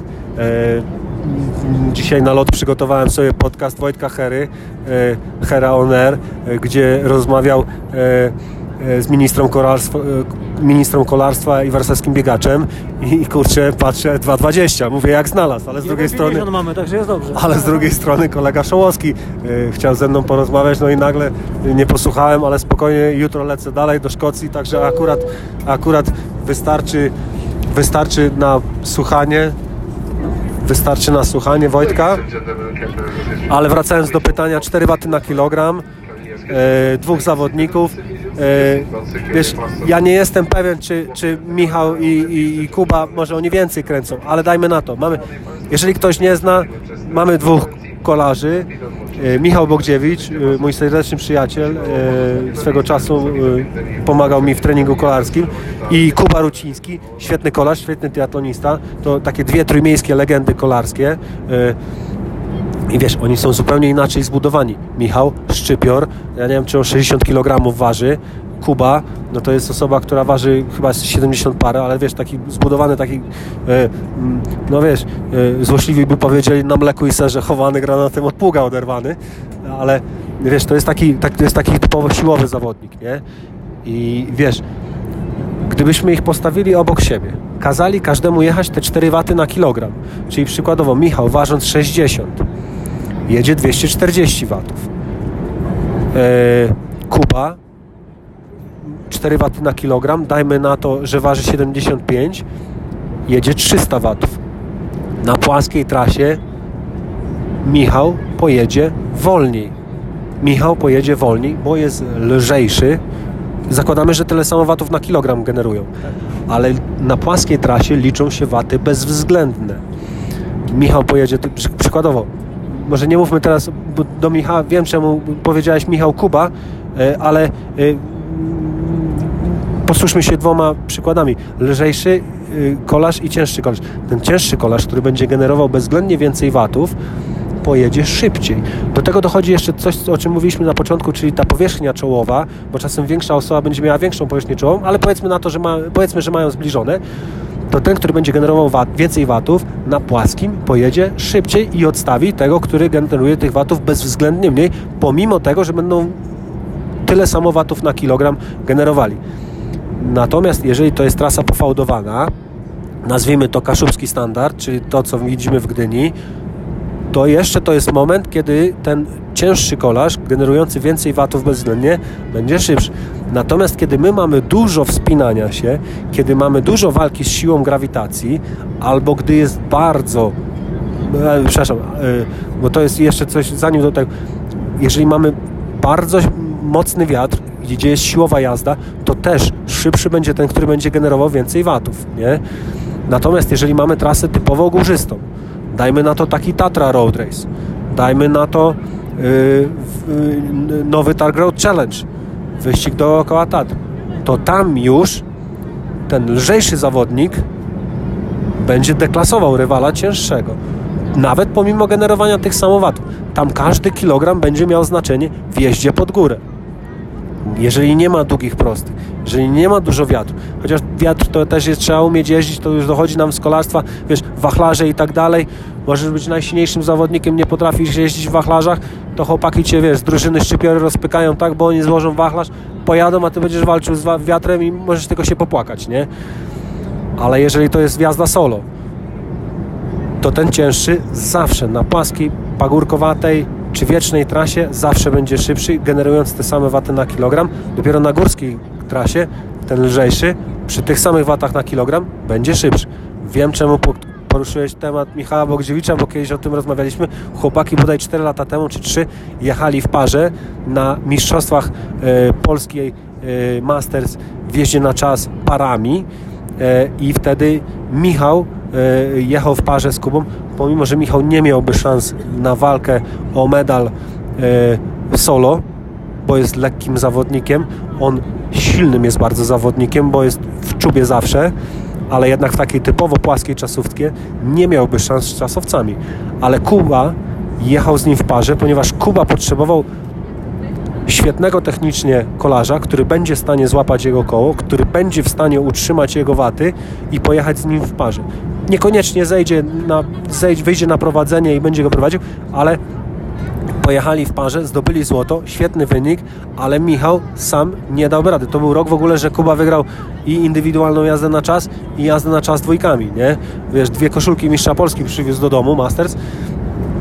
Michał by nie miał z nim szans, bo generuje bezwzględnie mniejsze waty, ale jechał mu na kole. Czyli już poruszyliśmy ten temat wcześniej. Mniejszy miał opór powietrza, więc mniej mógł tych watów generować, ale jednak musiał je generować. Też musiał jechać na zapieku, a Kuba potrzebował silnego zawodnika do pary, który będzie w stanie z nim pojechać, nie? Więc tu, tu stąd się wzięły te dwa nazwiska, które poruszyliśmy, ale gdybyśmy mieli taką płaską trasę, na przykład Ślesin, nie Poręt, e, to chłopaki, gdyby się ścigali na czasówce 90 km, to Michał by przegrał z Kretesem, z Kretesem z Kołorocińskim. Weźmy przykład triatlonu. Christian Blumenfeld. Mamy, mamy yy, Bahrain. To jest zawodnik silnie zbudowany. On jest silnie zbudowany, ale potrafi świetnie jeszcze pobiec. Ale rower bezkonkurencyjny w Bahrainie, bo tam typowo siłowa trasa, taka wiesz, na nazwijmy to zawodnika generującego większe waty. Ale spójrzmy już Nicea, nie, nie, nie, już jest dalej. Już nie był w stanie tego pojechać, bo jednak tam było za dużo górek, nie? Tam już ważniejsze było to, żeby, było, żeby być wycieniowanym, świetnym kolarzem, nie? Dlatego, dlatego ten wynik. Emil, e, dziękuję bardzo za tą rozmowę. E, prawie dwie godziny, prawie dwie godziny rozmowy o aerodynamice głównie z elementami, e, ze wstawkami watów, e, ale nazwiemy go chyba aerobiblia triatlonu e, z Emilem Wydartym. Dziękuję bardzo. Dziękuję serdecznie. Czy aerobiblia? Nie wiem. Na pewno nie jestem alfą i omegą. Nie wiem wszystkiego. Nie jestem nieomylny. Popełniam błędy, ale cały czas się uczę, rozwijam się. No i dzielę się tą wiedzą. Jeśli coś wiem, jeśli coś sprawdzę, to, to wiesz, nie mam problemu. Ktokolwiek nawet nie zna mnie, napiszę maila, zawsze odpiszę. E, czasami parę dni później, jak jestem zajęty, ale zawsze odpiszę. Wiesz, no staram się tym dzielić. No miło mi, że tak mnie nazwałeś ale pamiętaj, że no wszystkiego nie wiem, nie ma omnibusów, nie? Dziękuję bardzo, dziękujemy bardzo właściwie i do usłyszenia w kolejnym odcinku. Emila zaproszę za jakiś rok, może dwa i podzieli się kolejnymi nowościami w świecie triatlonu, w świecie kolarstwa, a może rozwinie swoją e, wiedzę, umiejętności na e, bieganie, aerodynamikę w bieganiu, e, aqua, aqua, aqua aerodynamikę, nie aquadynamikę, hydrodynamikę, hydrodynamikę w, w pływaniu i e, będziemy mogli kolejne wątki e, ruszać e, w podcaście Trikas FM. Żegnamy się z samolotu, bo za jakąś godzinkę lądujemy, a my idziemy teraz coś zjeść. Do usłyszenia, pozdrawiam.